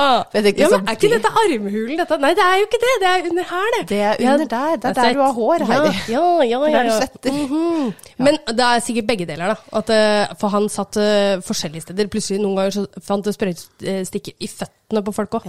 Så det har jo vært overalt. Så det kan jo hende at jeg ikke har sagt feil. Men akkurat her så veit jeg i hvert fall at han ble satt i Hva er det heter for Hva heter det? Hva heter det? Inni, inni albuen, liksom? Inni Ja, på innsida På innsida. Der vil vi alltid ta blodprøver. Eller du skal sette intravenøst. Knehasen som er på armen. Ja. Veit ikke hva det heter. Nei, gud. Nå følte jeg meg dum. Ja, jeg jo gjorde faktisk det. Ehm, men i denne kartoteket da, så finner hun ingenting som tilsier at eh, han skal ha dette stikket. Nei. Eh, Da hun var ferdig med nattevakten sin, så reiser hun da ned til faren sin. For hun er jo liksom, herregud, det her surrer jo i huet hennes, ikke sant? Og faren er jo en god venn av Nesse, så tenkte kanskje han hadde en god forklaring, eller Ja. ja. Eh, faren hennes sa selvfølgelig at du, du må ikke tro på alt det alle andre sier. For Nesse Ja. han ville aldri funnet på å gjort noe sånt. Nei. Nei. Og han er godheten sjøl, han. vet du. Ja, ja, ja. Det som gjorde det ekstremt vanskelig for de ansatte, var at de ikke ble trodd på når de varslet om bekymringene sine. Etter at, de, etter at de hadde vært vitne til at Nesset hadde gitt pasientene sine sprøyte, da rett før pasientene døde. De hadde jo taushetsplikt, så de kunne jo ikke akkurat gå ut i media. Nei. Nei. De pratet om å gå til politiet, men de hadde jo ikke noe bevis. Nei. Og tenk om de tok feil! Ja. Ikke sant? Det er bestyreren? Ja. ja. 14.11.1980 så oppdager en sykepleier at medikamentet Curacit har blitt bestilt til aldershjemmet. Curasitt er et åndedrettslammet middel som brukes under operasjoner for at pasientene skal ligge stille. Så ikke noe man trenger på et eh, pleiehjem. Nei. Nei.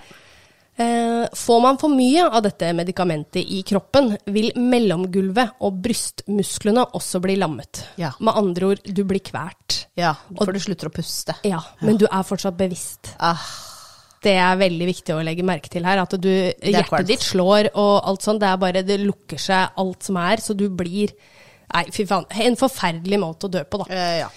Dette medikamentet, som du sa tidligere, har ingenting på et sykehjem å gjøre. Nei. Og det var bare tilfeldigheter at dette ble oppdaget. I senere avhør med politiet mente Nesset at han hadde bestilt dette for å ta livet av sine to hunder. Aha.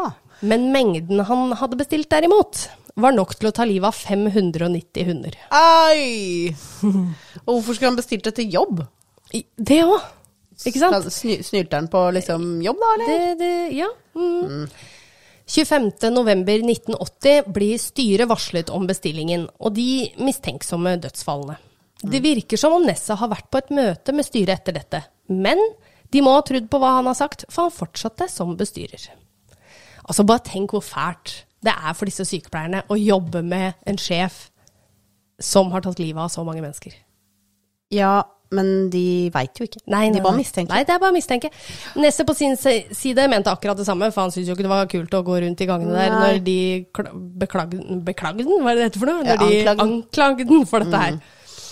Og det fins masse, masse opptak av Nesse om disse bekymringene og alt eh, han prata om der. 20.2.1981 får fylkeslegen i Trøndelag høre om drapsmistankene, noe som gjør at Nesset blir sykemeldt. Dette var altfor stor påkjenning for han. a meg. Stakkar. 28. februar samme år så reiste Nesset til den kristne hvilehjemmet Bjørkanger i Nord-Trøndelag, hvor, han øh, hvor han har fått dette anbefalt av en lege. da, At det, her lønner seg for deg å reise, da kan du hvile, slappe av. Ok, Mm, ok. ja. Det er her han oppholder, oppholder seg når media blir kjent med at Curasitt eh, har blitt bestilt da, i hans sitt navn. Og dette var da 4. mars samme år. Det var faktisk en av de ansatte som ikke hadde klart å holde kjeft lenger. Ja, ja. Så de hadde gått til media. Ja, ikke, ikke dumt. Nei. Takket være denne personen så vet vi om denne saken den dag i dag. Oi. For det er ikke sikkert at det hadde kommet ut i lyset ellers. Nei. Litt spesielt oppi alt det her, da, er at eh, pressefolka og Kripos, som kom fra Oslo, da, Mm. bodde på samme hotell i bygda. For det var bare ett hotell i bygda. Som Arnfinn? Eh, ja, altså i eh, den eh, eh, Hva er det jeg kalte Hvilehjemgreiene? Nei, i, i selve bygda så var det bare ett Ja, et hotell. ja. Så når Kripos kom for å skulle hjelpe til med, med denne Ja. saken her, da, så bodde de, pluss da alle mediefolka som kom fra Oslo, de bodde på samme hotell. Se for deg de mediefolka ved, ved frokosten sitter der med kaffekoppen og bare øra på stelk for å høre hva Kripos snakker om. Yes! Det er nettopp det. Det er kanskje her de har fått til veldig mye av informasjonen sin nå. Ja, det kan hende. Selv om styret for sykehjemmet var klar over alle bekymringer rundt Nesset, så varslet de aldri myndighetene eller politiet. Det blir satt i gang en etterforskning, og 5. mars får de greie på at Nesset var på vei hjem fra Bjørkanger. Hovedetterforskeren reiser hjem til Nesset for å avhøre han. Det er her han sier han kjøpte medikamentet for å ta livet av hundene sine. Nesset blir nå siktet for dokumentforfalskning. Da okay. fordi han bestilte private varer gjennom jobben, Ja, ikke sant? ja, det er greit nok, men, men uh, hva var gærent med bikkjene hans? Nei, det er Hvorfor skulle han vet det, jeg veit det, det, står det ikke noe sted. Og jeg bare, ikke, ikke dra inn bikkjer i det bare jeg er dyreelsker. Ja. Eh, han hadde også påført kurasitt etter at legen hadde signert Altså, jeg kalt det handleliste her, men du skjønner hva jeg mener? Altså, når lege, ja, ja, ja. Når de legger inn en bestilling på medikamenter, Yes. så har han lagt til kurasitt etter at legen signerte. Ja. Mm. Ja, så det er mye her som eh, er litt sånn snuskete. ja. Han blir ikke varetektsfengslet denne kvelden, Nei. men blir istedenfor kjørt til psykiatrisk avdeling i Trondheim. Å, Politiet sørger så for at han ikke skal bli sluppet ut da før de ble varsla. Mm. Det kommer fram at Nesset ikke har hatt hund i den perioden han bestilte oh, kurasitten. Han hadde ikke det, nei? Nei. Nei. Så politiet fastslår jo at han kom med en falsk forklaring. Yeah. Mm.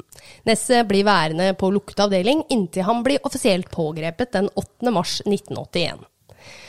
Det er mye som ble gjort her som ikke er lov i dag, som f.eks. at han ble avhørt. Ehm, Så, eh, så tenkte de ikke over hans mentale helse, og hans forsvarer ble heller aldri kontakta. Nei. Nei. Det endte med at Nesset tilsto i disse avhørene, noe han senere skulle da trekke tilbake. Og Nora, kan du gjette hvor mange timer Nesset ble avhørt? Altså totalt, da.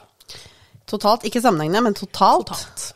Det er enten sjokkerende lavt eller sjokkerende høyt. Ja, det er sjokkerende høyt, det skal jeg love. Oh, ja, ok. Jeg skulle gå for tre timer, jeg. Men okay, Ja, hva, hva da? 967 timer uten forsvarer. Ja. Og det tilsvarer da 40 dager og 3 Oi. timer. Og det var ikke så Det var snakk om kanskje et gap på et ja, halvt år, seks måneder, da. Oi. Det er helt sykt. Det er en fulltidsjobb, det. Det er fulltidsjobb. Det er litt usikkert på om det var alle ryktene, eller om det var Arnfinn Nesset selv som tok opp de mistenksomme dødsfallene. Men det vi vet, er at politiet hadde 60 saker, altså da bekymring imot han, som de da måtte etterforske. Ja, det tar jo litt tid, det, da. Så langt så har jo politiet et potensielt drapsvåpen og en antatt gjerningsperson. Men hvem var ofrene?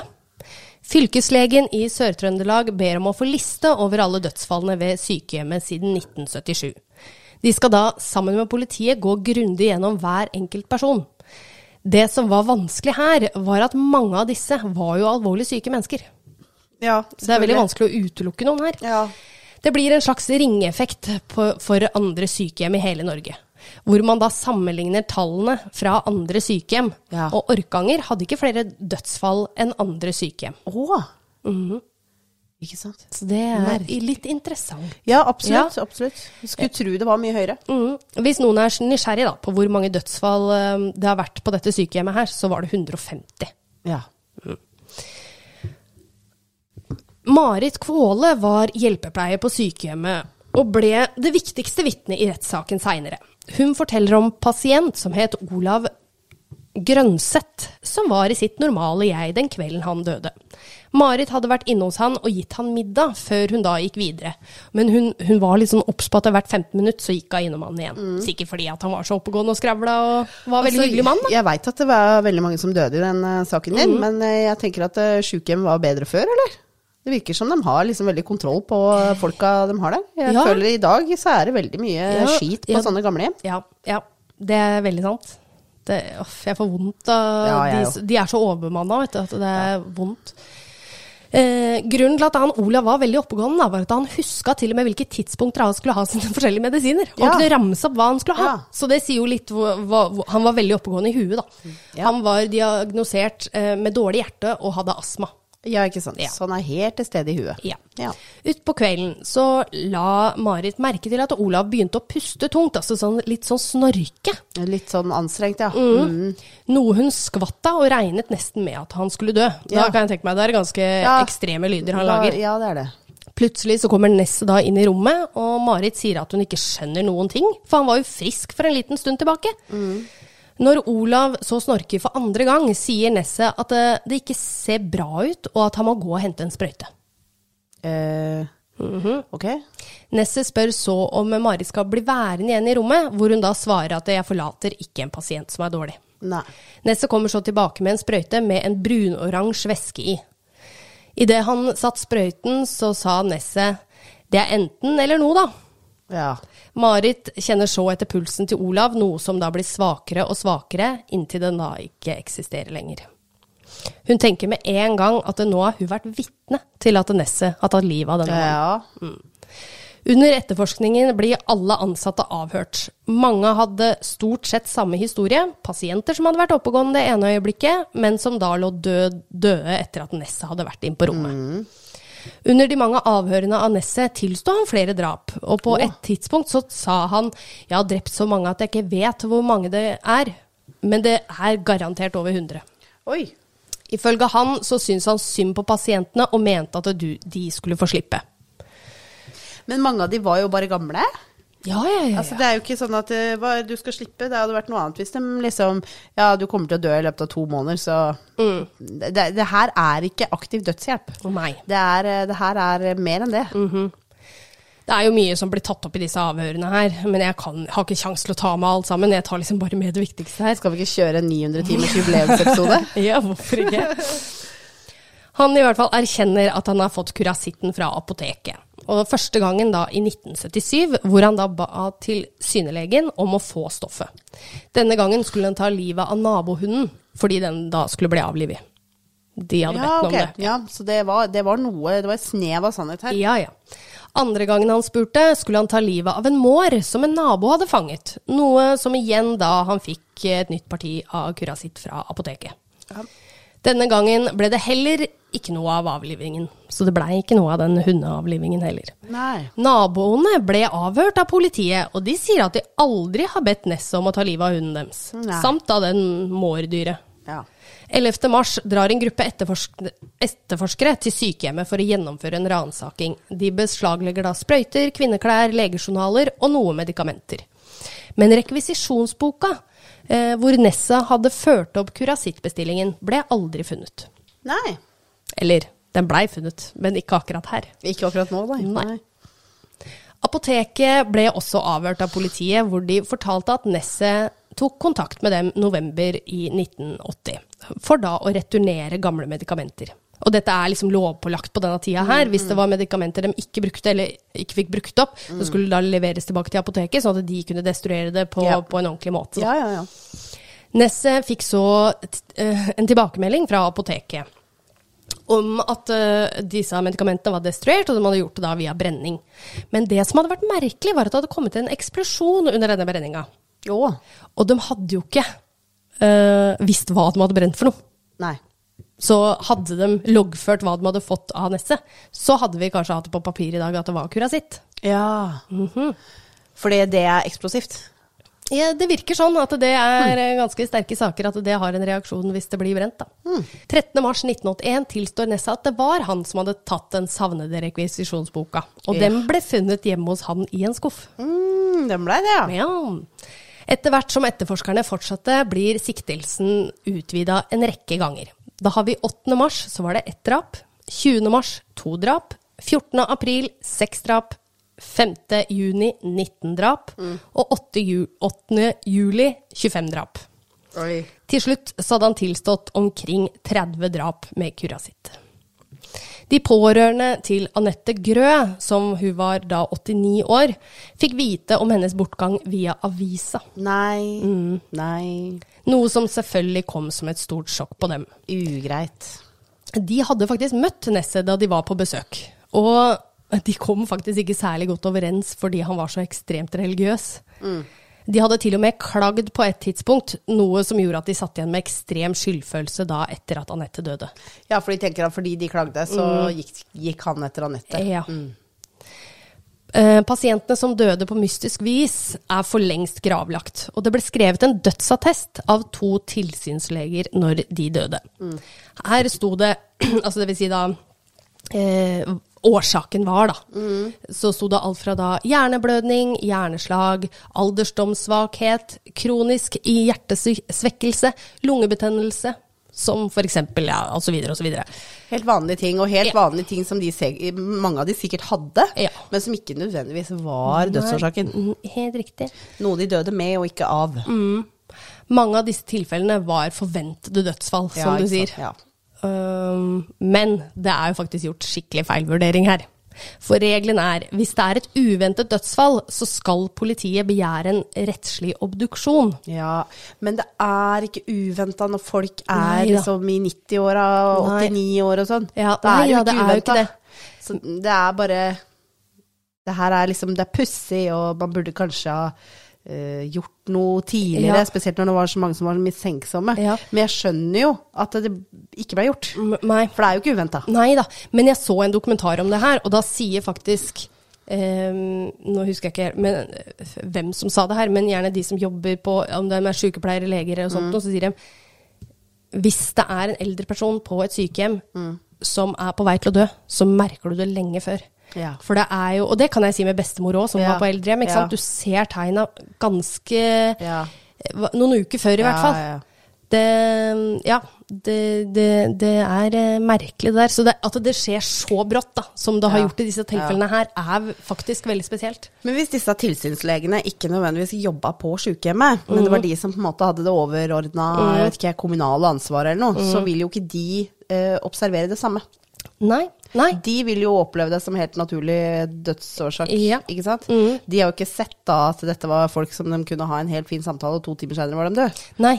Nei, det er sant, men de burde kanskje ha hørt med de sykepleierne som jobba Ja. der, og bla, bla, bla. Men vi kommer fram her. Eh, det ble i hvert fall ikke gjort det her på noen av disse tilfellene her, som de hadde en mistanke om. Eh, hadde de kanskje gjort det, da, så kunne det vært muligheter for å lete etter da virkestoffet kurasitt. For det som også er litt interessant her, er at ingen visste om det gikk an å spore i kroppen. Nei. Det Gjør kom, det? Gjør det det? det, jeg kommer til det. det kommer også fram i ettertiden at ingen av tilsynslegene så på pasientene etter at de døde. Å nei, Det var det kun sykepleierne som gjorde. De kikka ikke på dem engang. Nei. Oh, nei. Og hvordan i helvete, Det her er min mening her, men hvordan i helvete kan du skrive en eh, dødsattest hvis du ikke undersøker pasienten? Fordi det er et sykehjem, det er gamle folk. De Ja. skal dø. Ja, Om de dør men- i dag eller om et år, de skal dø. Ja da, men du de, Stort sett alle pårørende vil ha et svar. Ja, men det var jo ikke unormalt høye dødsfall. Nei, det var jo ikke Hadde det. det vært unormalt, så hadde de kanskje liksom Skal vi dra og kikke på han eh, Ja. Ola, eller? Ja, jo, kanskje. Men når du har fått så mange, når du veit dette sykehjemmet her da, har stort sett alle pleierne som jobber der, har en mistanke at det her skjer det noe snusk. Men visste de det? Visste tilsynslegene Ja da, ja da. De gjorde Ja, de gjorde det. Å, faen. Ja. Ja, nei, da, da endrer jeg meg. Da er jeg helt enig med deg. Ja, ikke Da- sant? Uh, politiet avventet eventuelle oppgravning da, i påvente av svar fra Rettmedisinsk institutt, for de måtte jo teste da, på lik om Ja. de kunne ja. se noen symptomer av kurasitt. ja. De fant til slutt ut at man kunne påvise kurasitt i øyevæsken, Oi. men kun opptil en uke etter at døden hadde inntreffet. Ja. Yes. Øyevæske er det ekleste jeg veit om i Vet hele verden. Det høres sånn ut. Jeg husker på ungdomsskolen så skulle vi dissekere griseøyer. Og jeg veit ikke om du veit det, men jeg er født fullstendig sjeløyd. Jeg hadde øya helt oh, kryss. hadde du det? Og virkelig sjeløyd. Jeg så helt pæra gæren ut da jeg var liten. Nei. Eh, Så jeg har operert begge øya flere ganger, og jeg har sånn arr på øyet, sånn bulk. Og det er sånn mitt største mareritt i verden, er at eh, det arret skal sprekke opp, og så skal det komme ut sånn guffe, sånn som det gjorde av det griseøyet på ungdomsskolen. Jeg får helt sånn derre Jeg får helt noia av det. Æsj. Øyevæske er nasty. Ja, det er dritnasty. Eh, Det skal jo sies her òg, da. Hadde de kanskje sett litt rundt stikkskaden og sånt nå, så kunne det jo vært at det, noe, at det har havna på huden. Og da kan det tydeligvis eh, se noen rester av det. Det er Ja, kommet ja, litt sånn i forskning i ettertid, da. Ja, ja. Mm. Selv om de ikke overlever i kroppen, for det brytes ned, så kan Ja. det fortsatt ligge igjen på, På overflaten. mm. Mm. Når politiet får denne beskjeden, og etter mye klaging fra lokalsamfunnet og pårørende, så fant de ut at de ikke skulle grave opp noen graver. ja.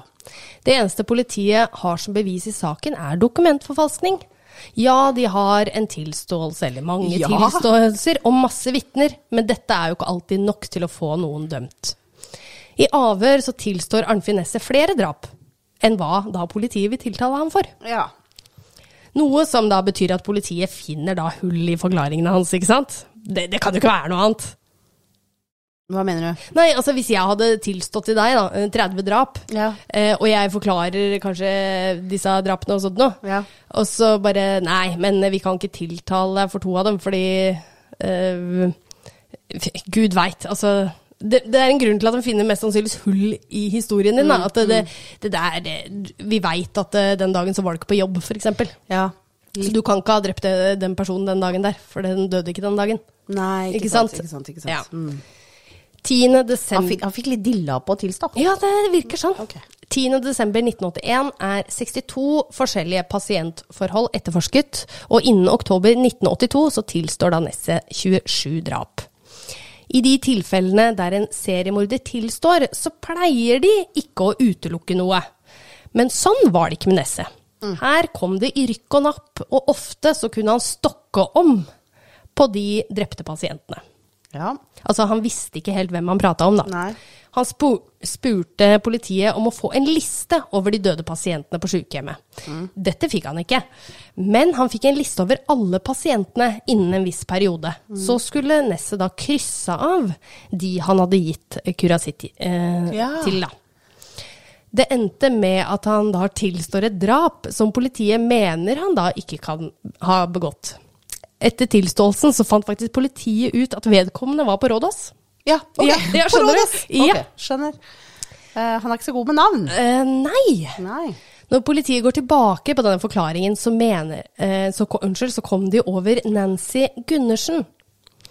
Og her virket det som om de ikke har helt styring og bare plasserer folk inn. Altså Nå snakker jeg om politiet her. Liksom det bare, Nei, vet du hva, på den forklaringa der, da putter vi hele hun inn der.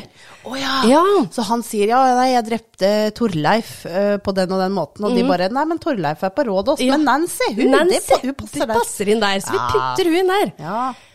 Og Nancy, da. Hun var bestemor til en av etterforskerne. ja. Ok. Og han fikk fortsatt lov til å etterforske saken. Jaha. Jaha. Inhabil match. Nesset får fødselsdatoen hennes og blir vist bilder. Men han kjenner, når han blir konfrontert med det her, da, og han sier ja, men det, jeg veit ikke hvem hun er engang. Eh, dagen etter derimot, så kommer han med detaljer og forklaring av henne. Hvordan hun så ut, når hun er født. Men det hadde jo politiet gitt til en dagen et, før, da. Du, altså, er det bare meg, eller er det litt sånn der Thomas Quick-aktig? Det, det har jeg skrevet her. Har du det? Ja. Altså, dette her er jo en def, eh, definisjon av falske tilståelser. Ja. Eh, For her får han jo kunnskapen om pasienten av politiet. ja. Og godt eksempel på dette er Kvikk-saken i Sverige. Yes. Takk, takk. Ti poeng til meg der. Ja, og litt spoiler alert her. Nancy-dødsfallet ble hun faktisk dømt for. Å ja. Så det Ja, ja. veit du det. Uh, og så må vi også huske her at det, i alle disse avhørene her, så hadde han ikke forsvareren sin til stede. Nei, det er sant, det er sant. Nei. Nesset skrev et brev til sin forsvarer som forklarer det han var igjennom. Du, eh, for, kjære forsvarer, hadde du giddet å tatt deg en tur, eller? Du skjønner, nå har jeg sittet 900 timer i avhør, du, kan du backe meg litt? Jeg veit ikke om det var pålagt på den tiden. Det var jo tydeligvis lov, da, å ikke ha Tydeligvis. Eh, men jeg lurer på om det var lov, eller om det var nje, nye, litt ikke lov, nye, men la gå. La gå, At den var bare litt mer sånn derre ja, litt sånn uvørende på regler. Det var ikke så farlig. Det var ikke så farlig. Nei. Det virker litt sånn, ja. Det, Ja, at de kanskje bare heller er litt sånn der Ja, ja, nå har vi ikke så krav på så mye, han er jo kriminell, jo. At vi var litt sånn hardere på det før. ja. Ja. Litt av brevet han skrev til forsvareren sin, da. Han det, det her er Nessie sine ord, altså. Ja. Han ba meg oppføre meg som et voksent menneske og tilstå. For du har gjort det.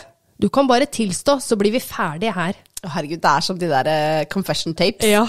Du er en massemorder. Og vi kan holde på med dette i flere år til du tilstår. Å, herregud. Den dagen gråt jeg og ba om å få snakke med Gunnes, altså Gunnes forsvareren hans. Så han har jo bedt om å få Ja, prate med forsvareren sin. Mm -hmm. ja? Og da sier politiet nei, det er ikke bare å ringe Gunnes. Det er heller ingen vits å forlange noe her.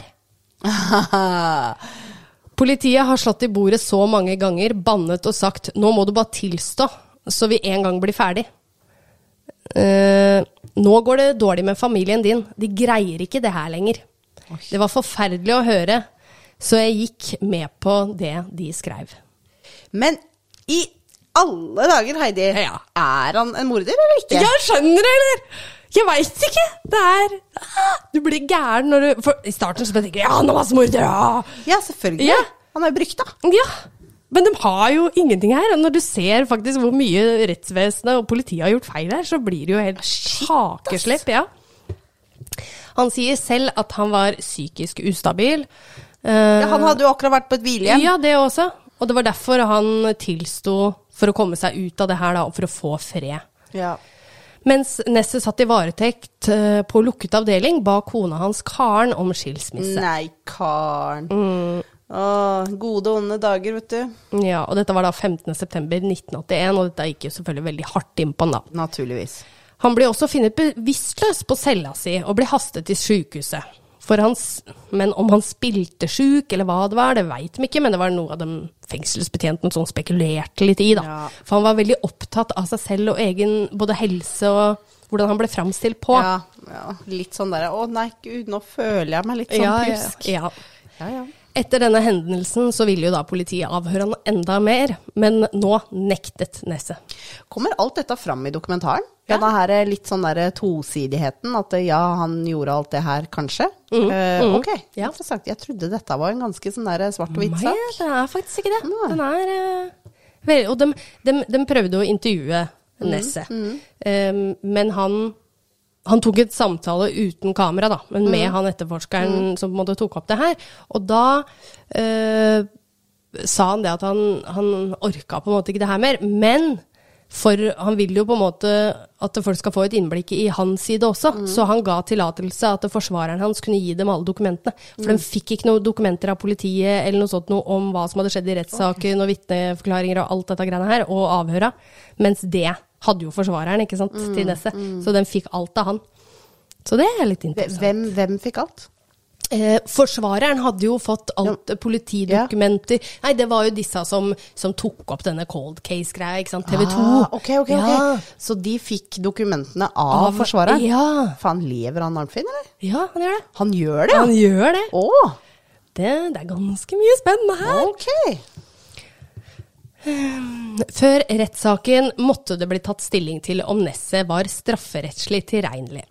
Det ble opprettet flere psykiatriske sakkyndige som ble bedt om å vurdere hvorvidt Nesset hadde en synssykdom. Ja, hvorfor blei det flere? Er det fordi at da kunne de på en måte gå gjennom helt til de fant en mening de likte, eller? Du er så god. Er det? Jeg elsker det. Du er helt rå. For det er sånn, tar de én eller to, to da, for eksempel, da er det stor sannsynlighet for at de har samme mening.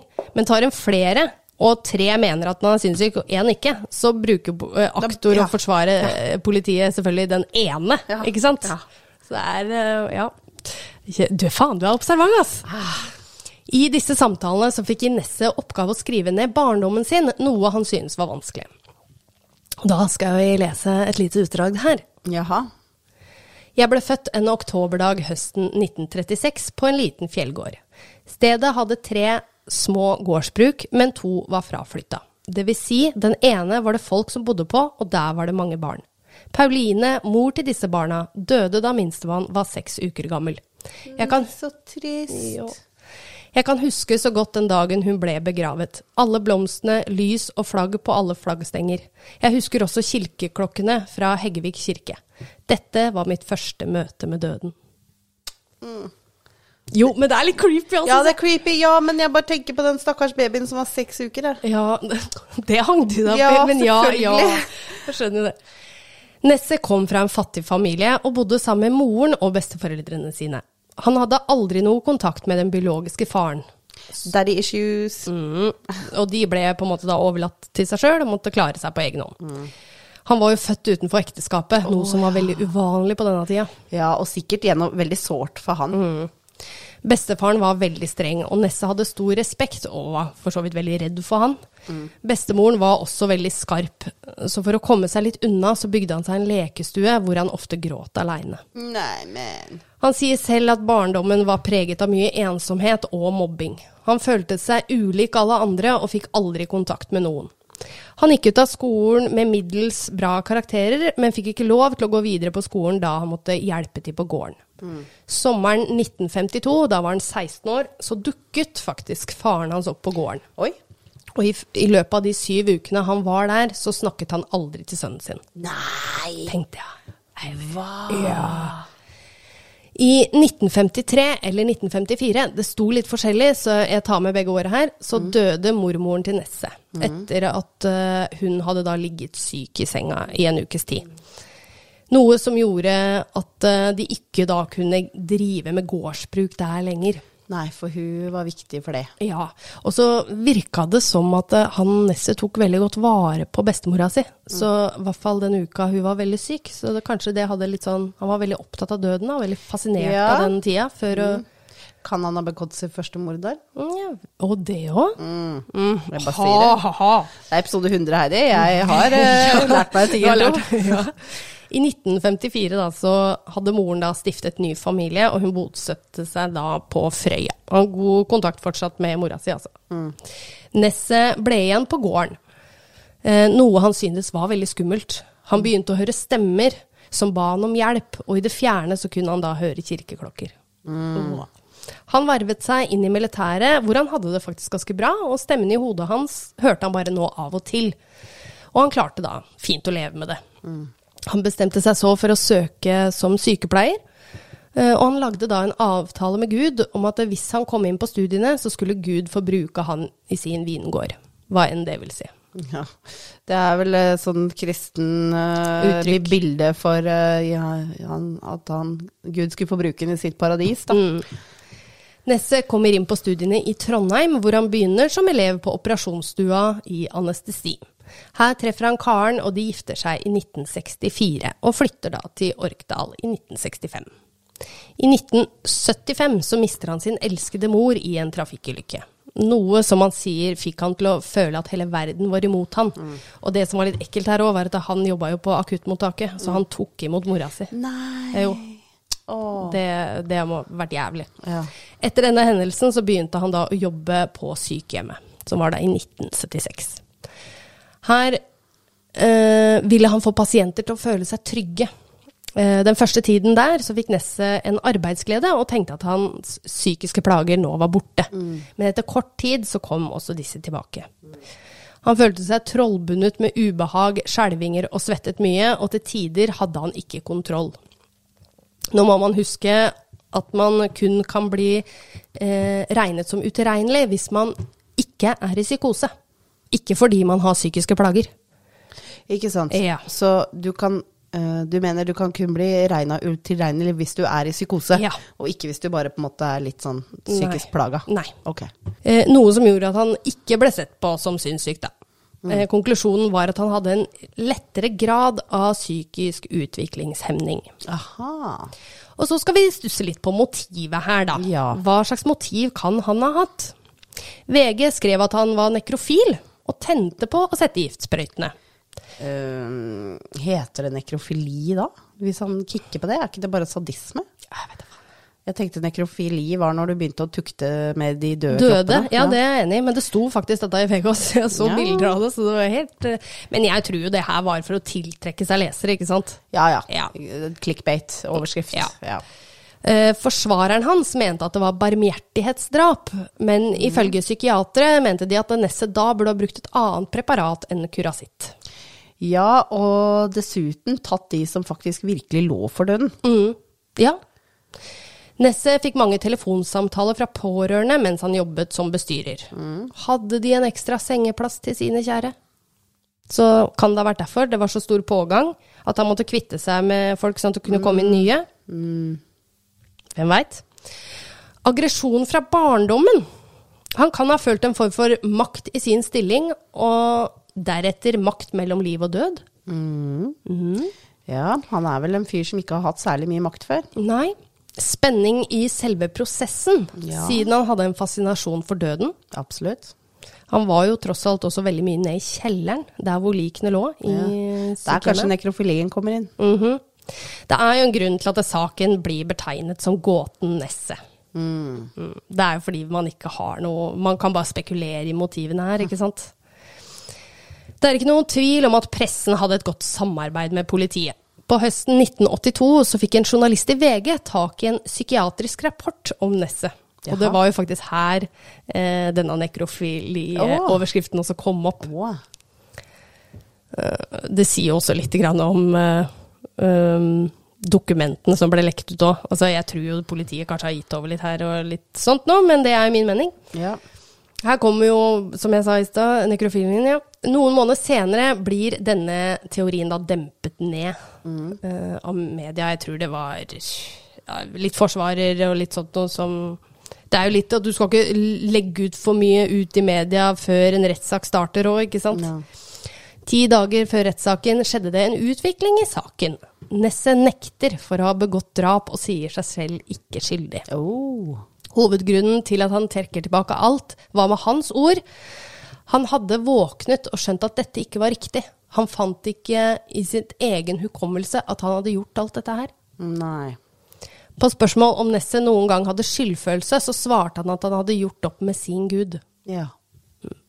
I tiltalen sto det at han hadde tatt livet av 11 menn og 14 kvinner med medikamentet Curacit. Også da dokumentforfalskning og underslag, for han hadde altså tatt penger fra de døde, ikke sant? Eller, ja. Selv om han nå nekter all straffskyld, så har han tilstått øh, Unnskyld. Eh, selv om han nå nekter all straffskyld, så har tilståelsene stor grad for påtalemyndighetene. Altså alle de tilståelsene han har kommet med i Men det, avhør. men det kan han jo trekke. Han kan jo gå tilbake på det. Ja, det er jo det han har gjort, men Ja, det blir fortsatt men det- brukt mot ham. Ja, De har lov til det tydeligvis på denne tida her. Yes. Da rettssaken startet 18.10.1982, hadde aldri pressen hatt tilgang til Nesset. Når de nå ser han for første gang, så fikk faktisk mange sjokk. Han er en spinkel mann med en lys stemme, altså det vil si sånn, litt sånn kvinneaktig, og han kommer i en hjemmesydd dress som i mine øyne ligner på en militærkåpe fra andre verdenskrig. Jøss. Altså han var veldig Har flink du til å sy. bilder av dette? Eh, ja. Okay, det, så det, kan jeg finne. Dette er en mann med lys stemme som er sykepleier og kan sy? Ja, han var, Ja. tok eh, dette gjorde han eh, sammen med mora si da han var liten, så han er kjempegod til å sy. Ja, ikke sant. Selvfølgelig. Han er jo oppdratt av mora si. Aktor brukte de gamle tilståelsene fra Nesset for alt det var verdt i retten, og dette blir jo da hovedfokuset. Mens forsvareren brukte presset Nesset ble utsatt for av politiet som Ja. motargument. Yes. De mente dette var grunnen til at han tilstod i det hele tatt. De prøvde også å gi andre forklaringer på hvordan pasienten da kunne ha dødd. Alt da for å så tvil i juryen, ikke sant? Ja, for det var jurysak, ja. Politimannen som hadde avhørt Nesset mest, eh, ble også innkalt som vitne. Men problemet her, han var så jævlig god i vitneboksen. Så etter han hadde vært i vitneboksen, så var det ingen som trodde på Nesset sin forklaring etter dette. Nei, nei, nei. Nei. Sykepleierne ble også innkalt i vitneboksen, hvor de følte da faktisk at de ble grillet av forsvareren. Eh, for han hadde en måte å nedgradere folk med mindre utdannelse på. Han ble konfrontert med det her, men uh, forsvarte seg ved at uh, hallo, folk må faktisk skjønne alvoret i saken. Så det er derfor han mente han grilla folk så hardt, da. Forsvareren mente at sykepleierne kun pratet om rykter, og ikke de virkelige omstendighetene. Totalt så var det 128 eh. Totalt var det 128 vitner i rettssaken, og ekskona var faktisk en av dem. For hun jobba som sykepleier på samme sykehjem. Men hvilken side var hun på? Nei, hun var jo egentlig på Ikke på nestet sitt. Nei, Nei, ikke sant? hun hadde En vært grunn til at hun ba om skilsmisse, liksom? Ja, men der kommer også For de tar jo opp den teori, teorien litt etterpå, da. At uh, hun jobba jo som sykepleier på dette sykehjemmet, Mm. ikke sant. Og gjerne når du Du ser jo ikke akkurat opp til sjefen din, stort sett, på de fleste arbeidsplasser. Nei. Så da var det jo litt sånn at hun, for å komme seg inn i sykepleiergjengen, så blei det jo til at hun bare skravla ikke sant? blei med på slarven, Ja. liksom? Hmm. Um, og hun var litt ydmyk, altså, i disse Det ble i hvert fall sagt. Det ble også gjort feil. For vitnet fikk lov til å gå gjennom sine tidligere vitneutsagn, altså avhør, for da å friske opp hukommelsen sin. Nei. Og det er så nei-nei. Og da kan du også si det at det, For det blir jo det samme med Nessie. Ja. Han ble avhørt og avhørt og avhørt, og til slutt da Og det så- skulle brukes mot han, mens de andre fikk på en måte et gjensyn med sitt, så kunne de sikkert gjøre om på sin historie. Ikke sant? Når forsvareren da fikk greie på det her, så tok han det opp i retten, og han fikk faktisk medhold. Så der fikk de faktisk, eller hva du kaller en eh, klask på lanken. Ja. Eh, Et vitne forteller at Nesset skaffet seg kurasitt hele seks ganger mellom 1973 og 1980. Det var da ikke for VG hadde skrevet at han fikk tak i tolv liter. Men det var ikke tilfellet, altså. Nei. Det han faktisk fikk tilgang til, var fem desiliter. Ja. Men det var fortsatt ganske mye, for du kan drepe 100 personer med Ja. fem desiliter. Ja. Sykepleierne kunne heller ikke si hva som var i sprøytene som Nessa hadde gitt til sine pasienter. Så det kunne jo vært mye. Det kunne vært smertestillende. Tillitsvalgte i saken Altså, det heter kanskje ikke tillitsvalgte, men i hvert fall de legene som satt i, i salen. Sakkyndige vitner. Ja, kanskje det var det det var. Ja, med medisinsk bakgrunn Ja. Kunne bare bevise, da setter jeg beviset i gåsetegn, dere, Ja. at fem av de 25 kunne vært drept med kurasitt. Mm. Og de vurderer jo dette ut ifra tidslinje og vitner. Det er litt spesielt når de bare kan si at det, det er tvil om fem her, som Mm. da kanskje kan støtte deres teori, men 25 av dem nei. ja. Juryen trekker seg så tilbake for å drøfte skyldspørsmålet. Her får flere Altså, her er det da at eh, flere hvordan. Her må flere enn seks av ti medlemmer svare ja for at Denesse skal bli funnet skyldig. Hvis det er færre enn dette, så må han bli frifunnet. Ikke sant? Så hvis det er 50-50, så duger det ikke. Nei, men, da er han uskyldig. Hvis, men hvis det er seks som mener han er skyldig, Ja. så duger det heller ikke. Det må være mer enn seks. Mer enn seks. Okay. Så av ti, Ti, Ja, ja. ti. Mm. Mars 1983 så faller dommen. Han ble funnet skyldig på 22 av de 25 drapene. Ja, og hvor mange av juryen eh, mente det? Var det ti? Veit vi det? Ja, nei, Det veit vi ikke. Det hadde vært så spennende å vite. Ja. Samt da underslag og dokumentforfalskning. Mm. Han fikk lovens strengeste straff, som da er på 21 år. Ja. Og litt morsomt at du sier det, for de prøvde faktisk å intervjue disse som satt i vitneboksen på den tida. De gjenværende som lever enda, da. Ja.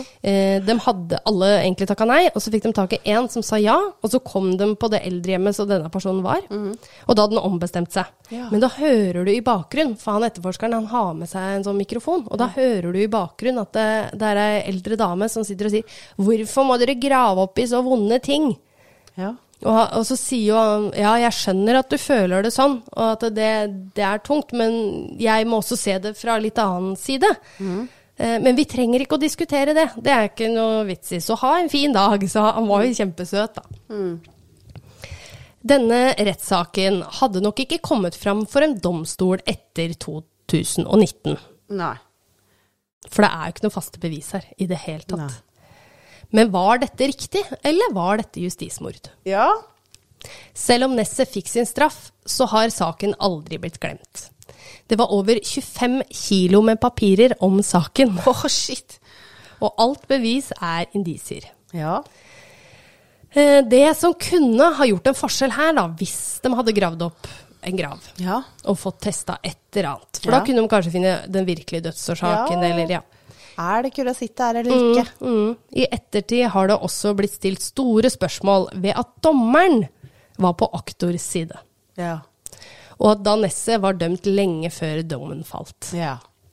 Han gjør et forsøk på å få saken gjenopptatt med sin nye advokat, men dette stopper opp da han går tom for penger. Ja. Før var det faktisk lagmannsretten som skulle vurdere gjenopptagelse, og nå er det jo en egen kommisjon. Å ja. Etter rettssaken ble Nesse overført til Ila fengsel, og her trivdes han ved å jobbe med klær og planter. Der er den jo god. Mm. Etter bare to år så fikk han faktisk permisjon Ja. på å reise på 40-årslag Hey. til advokaten sin. ja. Eh, Det hadde jo ikke vært lov i dag. Nei. Eh, Men han hadde, hadde jo ikke sittet inne hvis det hadde vært i dag, mest sannsynlig. nei, det også. Ikke på de bevisene. Nei. Nei. Når det hadde gått seks år, så ble Nesse da flyttet til åpen soning på Bastøy, Ja. som da var i 1989. Hvor han da reiste aleine med toget. Jaha. Ja, De syntes det var litt spesielt, for han bare dukka opp aleine på Bastøy, og de bare, eh, fengselsbetjenten bare eh, 'Og du kom aleine?' Han bare 'ja'. Eh, ok, så Ja. de bare ja, da skal du overføres til Bastøy. God tur, da. ja. Sett deg på toget.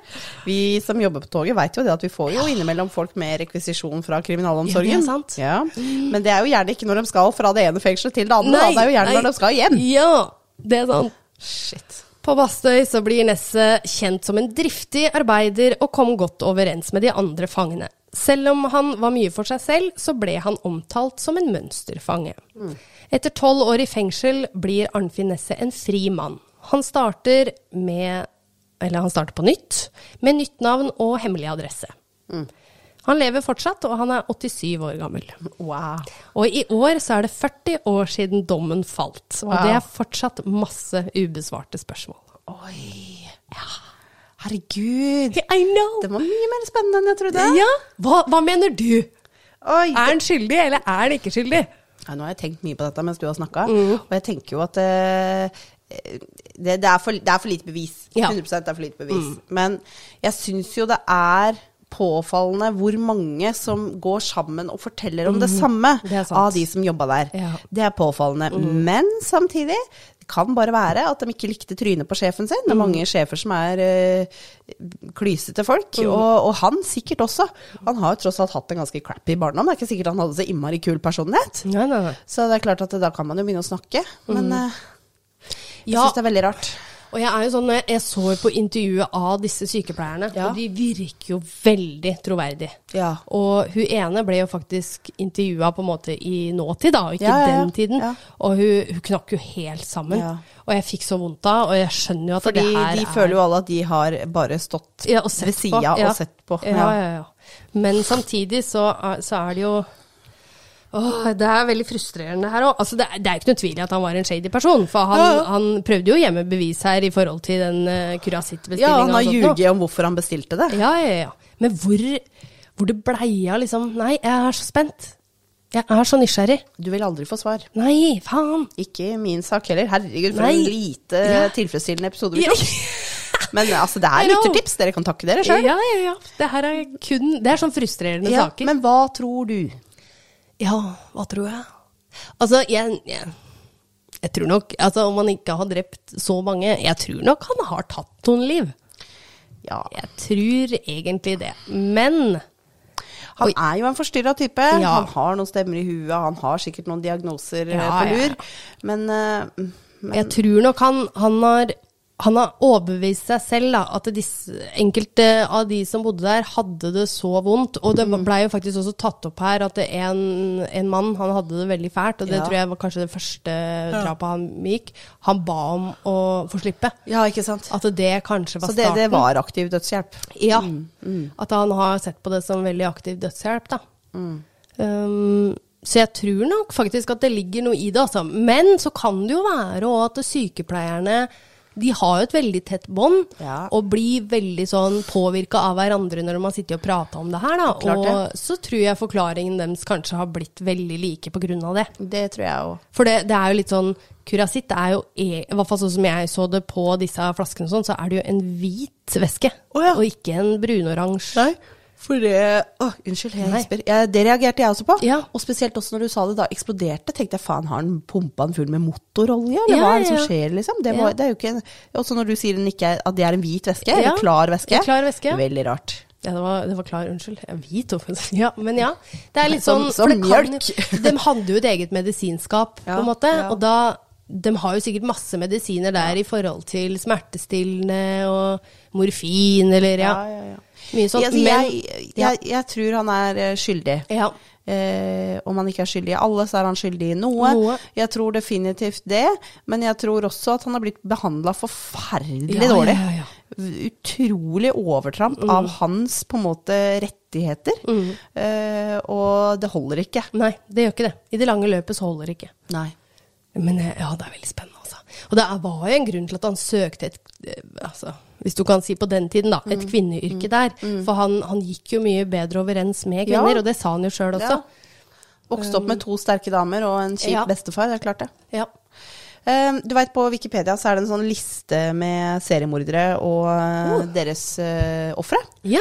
Og der er det en egen liste for, uh, eh, for eh, helsepersonell. Ja. For de har jo ofte unaturlig høye tall. Ja. Eh, og her står jo han Arnfinn, da, vet du. Gjør det det? Og én, to Ja, jeg kunne jo ikke ta, ta med alle navna, eh, så jeg bare egentlig tok de som var godt vitneforklart. Ellevteplass. Han er på ellevteplass. Ellevteplass. Nummer én er eh, Harold Shipman i UK. Ja. Med, med beviselig 218 uh, vitner, og potensielt opptil 250. Oh, shit. Eh, så har vi Arnfinn da på ellevteplass med beviselig 22. Ja. Eh, og eh, potensielt 27 til 138 pluss, står det her. Ja. Ja. men det var litt stemmig, jo det. Han ble jo dømt for 22. Ja, ikke sant? Ja. Men uh, jeg, jeg måtte le litt når jeg plutselig fant ut da at den ene personen var på Rådås. Jeg bare oh my god, hva slags Men den fikk ikke mye kritikk. Altså, de hadde, de hadde loggført alt, altså, politifolka. Ja, ja, ja. Så de, de gjorde jo en veldig bra etterforskning. De hadde dokumentert alle sine overgrep mot, mot rettighetene hans. Det Eh, var kjempebra. Veldig bra. Kort applaus. Eh. Men det ble jo, de snakka jo om det der, at på den tida så var det jo norgeshistoriens største forbrytelse. Ja. Og det står jo her også, for det står et sånn lite sammendrag på hver enkelt av disse personene her. Mm. Eh, så står det 'Most prolific known serial killer in Scandinavian history'. Altså mest, på en måte eh, Hva skal vi kalle det for? Pro produktive seriemorder i skandinavisk historie. Og når vi snakker produktivt i morderperspektiv, så er det antall ofre. Ja, Ja. det er ikke sant. Så Hmm, ja, det får deg til å ja. tenke. Nei, da, da lurer jeg på, eh, kjære lytter, eh, Ja. både uh, det der med Øystein Flenning Ja. Var det Var han eh, Hvem gjorde feil der? Mm. Og jeg lurer på eh, hva dere syns Hva dere tror om han Arnfinn. Mm. Så må dere kommentere, og gratulere oss med 100 episoder. Og Yay. gratulerer til dere som har orka å høre på snart to timer med podkast. Dere er sikkert helt jævla klam i øra. Ja. Uh, dette skjer ikke igjen med det første.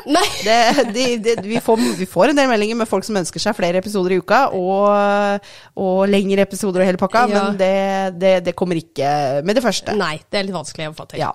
Nå har vi vel én annonsør på podkasten vår som er litt sånn sporadisk innom. Vi håper det kommer flere, så kanskje vi kan eh, vie Jeg vet ikke om vi kommer til det stadiet at vi kan eh, vie mer tid til det her, og kanskje Ja. gjøre flere episoder. Det kan jo hende. Vi veit jo aldri hvor, eh, Nei, hvor er, veien går. Nei da, og det er jo researchen som tar tid. Ja, det er jo det. Og nå skal jeg over i en, eh, en, En full 100%. 8-4 100 %-stilling, så det blir helt annerledes. Ja. Nå som man jobber turnus, så kan man jo gjøre ting på dagtid når ikke det er andre folk hjemme. Ja, det er sant. Ja. Spennende. Uh, så ja, vi får, se, vi får se. Det er veldig gøy det her, Heidi. Det Vi, vi kasta oss ut i dette uten å kunne noen ting. Ja. Eh, og vi bare kaster oss videre. Så vi kan ikke si noe om hvor veien går. Nei. Det veit vi ikke ennå. No. No. Vi, tar Vi er engasjerte, da. Ja. Det skal vi ha. Det skal vi ha. Og det skal lytterne våre også ha. Ja, De er er engasjerte. engasjerte. Ja, så eh, takk for alt, så holdt jeg på å si. Eller eh, eh, gratulerer til dere og lyttere. Eh, ja, for det jeg skulle si. eh, Heidi, vel overstått. 100 episoder. Takk i like måte. Vi skåler skål for colaen. 100 til. Yay, skål for 100 til. Yes. Yes. Da, der satt den. Der satt fader. Kjempeepisode til uh, lytterne. Det er, en, det er en gave fra oss til, Til dere. dere. for at dere gidder å holde ut. Ja. Ja. ja. Nei, men da ses vi om en uke, da. Det gjør vi. Ha det. Ha det.